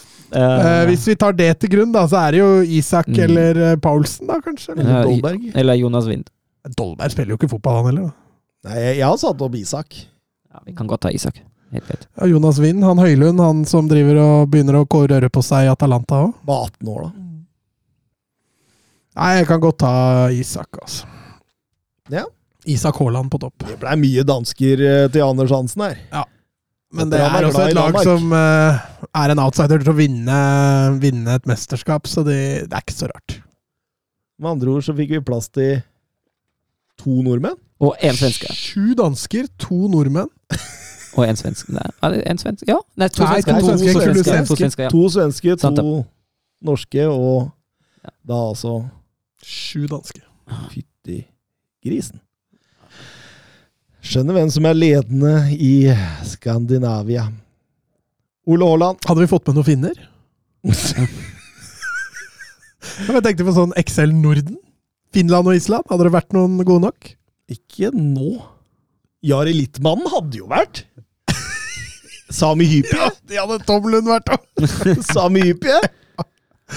Ja. Eh, Teme Pukki hadde vel Eidur ja, Pukki. Pukki kunne jo kanskje tatt ut Isak. Ikke- ikke nå, ikke nå. Nei, nei. Men det kunne jo ikke Jari Littmann gjort nå heller, på en måte. Så Nei da. Mika Mill, eller? han hadde løpt, i hvert fall. Hatt den på indreløperen. Han hadde kommet med noen der energibjørner òg. Ja. Litt godsaker i Han, han, My- og Myleg på hver sin indreløper, det hadde jo, det hadde jo gått fort. det. Ja, det Myleg han er egentlig tysker, er han ikke? Mm. Nei. Johan Myleg? Jo, jo, stemmer det. Jo, han som meldte overgang ble- til Spania, og så ble han tatt i doping. Han meldte overgang til Spania. Og var Doping var mer akseptabelt i Spania. eh, Ole Haaland. Eh, tre neste salgsobjektene fra topp fem Er det tre, ja? Faen. Topp fem? til topp fem. Fra Fra Liga Nås, Eresdivisjonen ja, okay. og. Eliteserien. Uh, og jeg, jeg, jeg tok fem, ja. ja, ja. jeg leste feil. ja, men da, da har vi tida. Altså, vi runder ikke to timer i dag, så du, vi, vi har tida til fem hvis du har ja, det. ja, jeg har fem. Jeg har forberedt fem. Skal vi begynne med Søren, da? Eh, ene er jo eh, jeg kan, kan, ja, Jurian Timba, men han har jeg snakka om, så jeg føler ikke at jeg trenger å snakke noe voldsomt mer om han. Uh, neste på lista mi er Cody Gakpo. Denne sesongen her, se på tallene. Han har spilt sju kamper i Eres Division. Han har skåra åtte mål og hatt seks assist. Det, det, det er helt spinnvilt. Uh, og vi, vi snakker jo en, eh, en sterk og kjapp uh, kantspiller. taktisk smart. Uh, jobber mot ballen, uh, går innover. Eh, det, er- av de svakhetene han har hatt, det har vært litt litt førstetouchen, litt avgjørelser, og så er han jo forholdsvis høy. Og til å være såpass høy har han vært ganske svak med hodet. Minner meg litt om Ibrahim Afelai. Ja. Litt husker du? Men Han, han- han, var vel innom Barcelona? Ja. Men han ble ikke noe voldsomt god. Nei, nei. nei. Men uh, han har tatt voldsomme steg den sesongen så langt. Uh, og det, det var vel på kanten at han forsvant nå før den PSV-sesongen. Uh, så det blir nok fort eh, en overgang neste sommer. Mm. Uh, uh, Køkçü. eh, en eh, deep playmaker i uh, Feyenoord, 21 år. Uh, er eh, meget aktivt, deltar veldig godt i uh, oppbyggingsspillet. Uh, er fremragende uh, i å drive ballen fremover og mellom linjene. Han skaper sjanser fra dype posisjoner. Han er god på dødballer, og han har et ganske fryktet langskudd. Eh, han må bli bedre eh, defensivt. Han har noe svake dueller, og han, må, han har litt lav topphastighet. Eh, det er litt sånn område han må jobbe med. Mm. Uh, men han, han var vel lenka litt til Leeds uh, før sesongen her, og han er også en spiller som fort kan, kan forsvinne til en topp fem-liga. Så har vi Xavi Simmons, også prestert voldsomt bra i PSV. og den situasjonen med Simmons er jo litt spesiell, for PSG har jo faktisk en tilbakekjøpsklausul på ham.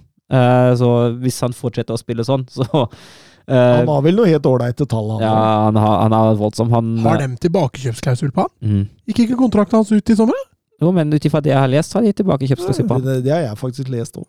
Jeg syns, ja, det var spekulert i for lenge siden at han Ok. Mm. Og, og dette, altså, dette er jo en spiller som uh, Altså, han kombinasjonsspiller. Han er, han er smart, han er teknisk, han har en passingsfot, han scorer mål sjøl, han tilrettelegger. Altså, han er jo Han er jo, han er jo alt fra en, eh, fra en playmaker til en falsk nier, og det, det, det er nydelig. Det er nydelig å se. Uh, herlig. Og er jo helt i starten av karrieren, og dette her kan bli noe voldsomt, voldsomt bra også.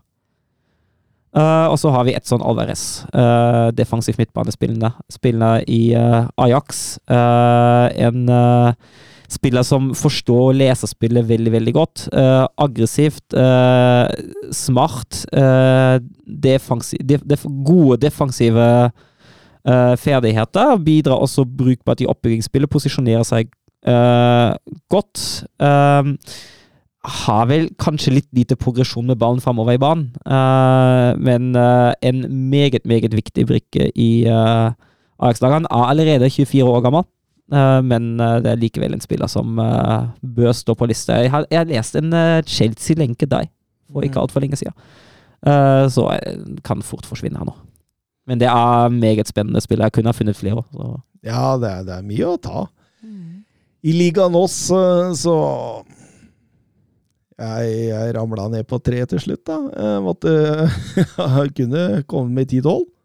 Endte på tre, og, og, Gonzalo Ramos er jo selvfølgelig en av dem. Eh, tar opp arven etter Darwin Núñez nå. Meget spennende ferdigheter. Eh, nese foran målet. Herlige bevegelser og, og god teknikk. Og, og ja, jeg, bare ser han utvikler seg mer og mer. Er litt deilig at han ikke gikk til Newcastle denne sommeren at han får en, en, en sesong på seg.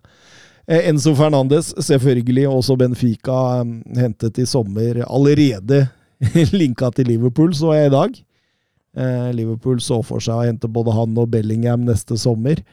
Eh, tatt eh, ligaen oss med storm, altså. Det, jeg tror jeg kan beholde mine ord når jeg sa at han kommer til å spille for Real Madrid eller noe sånt om to-tre år. Jeg kan til og med gå kjappere. Så et strålende spiller. Eh, og så det siste er da Gonzalo Inacio. Jeg var jo også linka ut i sommer til Wolverhampton og mange sånne forskjellige. En eh, kommer til å komme større lag på banen neste sommer. En sånn typisk trebekkstopper for de laga som trenger det. Men på høyresida, da, eller så hadde det vært skreddersydd for Konta. Leiter vi etter denne venstre enda, vet du. Eliteserien, da, Mats!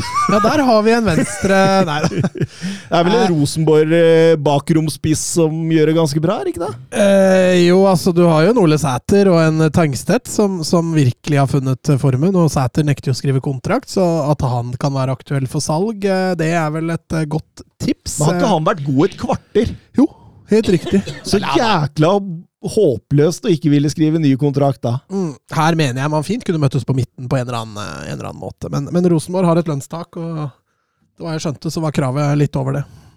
Men er han så god? Eh, eller har han den derre Gesundheit? eller, eller har han denne Altså, bare det der 'jeg kjemper og er stor og sterk'. Altså, han har en sånn mentalitet, sånn I'm crazy-greie. En crazy bitch. Og, og, det er klart, du skårer noen mål i løpet av sesongen på å være en crazy bitch, da. Eh, og så får du sånne episoder da, når du blir bytta ut etter 40 på Åråsen og sånn, som da koser jo oss andre også. Men, men, men er, er I'm a crazy bitch Er det godt nok for topp fem? Nei.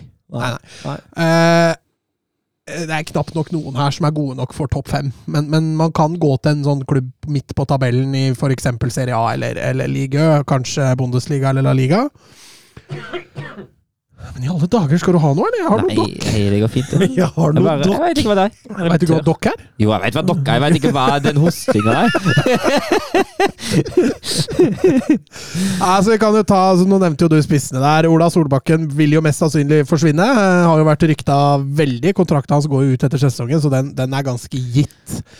Hvis vi skal nevne de kanskje største salgsobjektene som er der nå, så er det jo selvfølgelig Fofana i Molde. Han er jo linka i øst og vest, eh, og er jo et enmannsangrep og et, en, en, herlig fotballspiller å se på når nå som han har funnet litt, uh, funnet litt tonen oppe i Molde der. Og, og, ja, han er vel den spilleren med kanskje det høyeste toppotensialet i Eliteserien akkurat nå.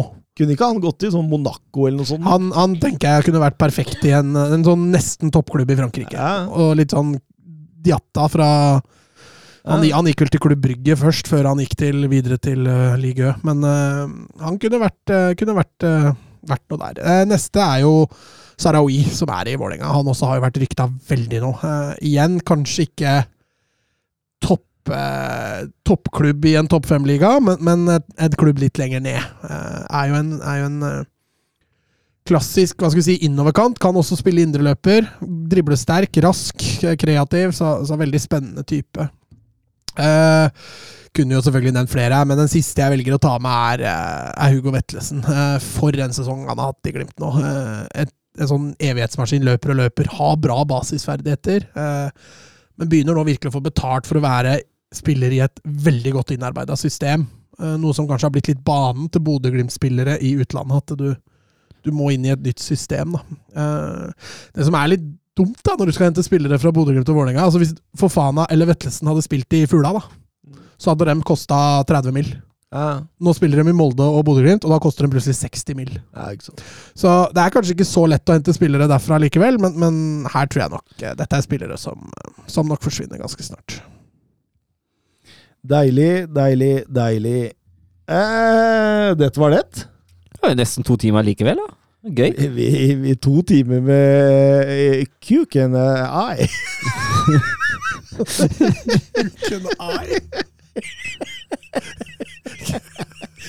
Kuk og øye. Eye. Eh, Q&A. Q&A. Q&Me. Eh, det, det ble bra, dette. Ja, ja, ja. Det funka. det. Eh, før det blir mer kuk, eh, kanskje vi skal bare si ha det bra? Ha det. Adjø. Messi. Surging forward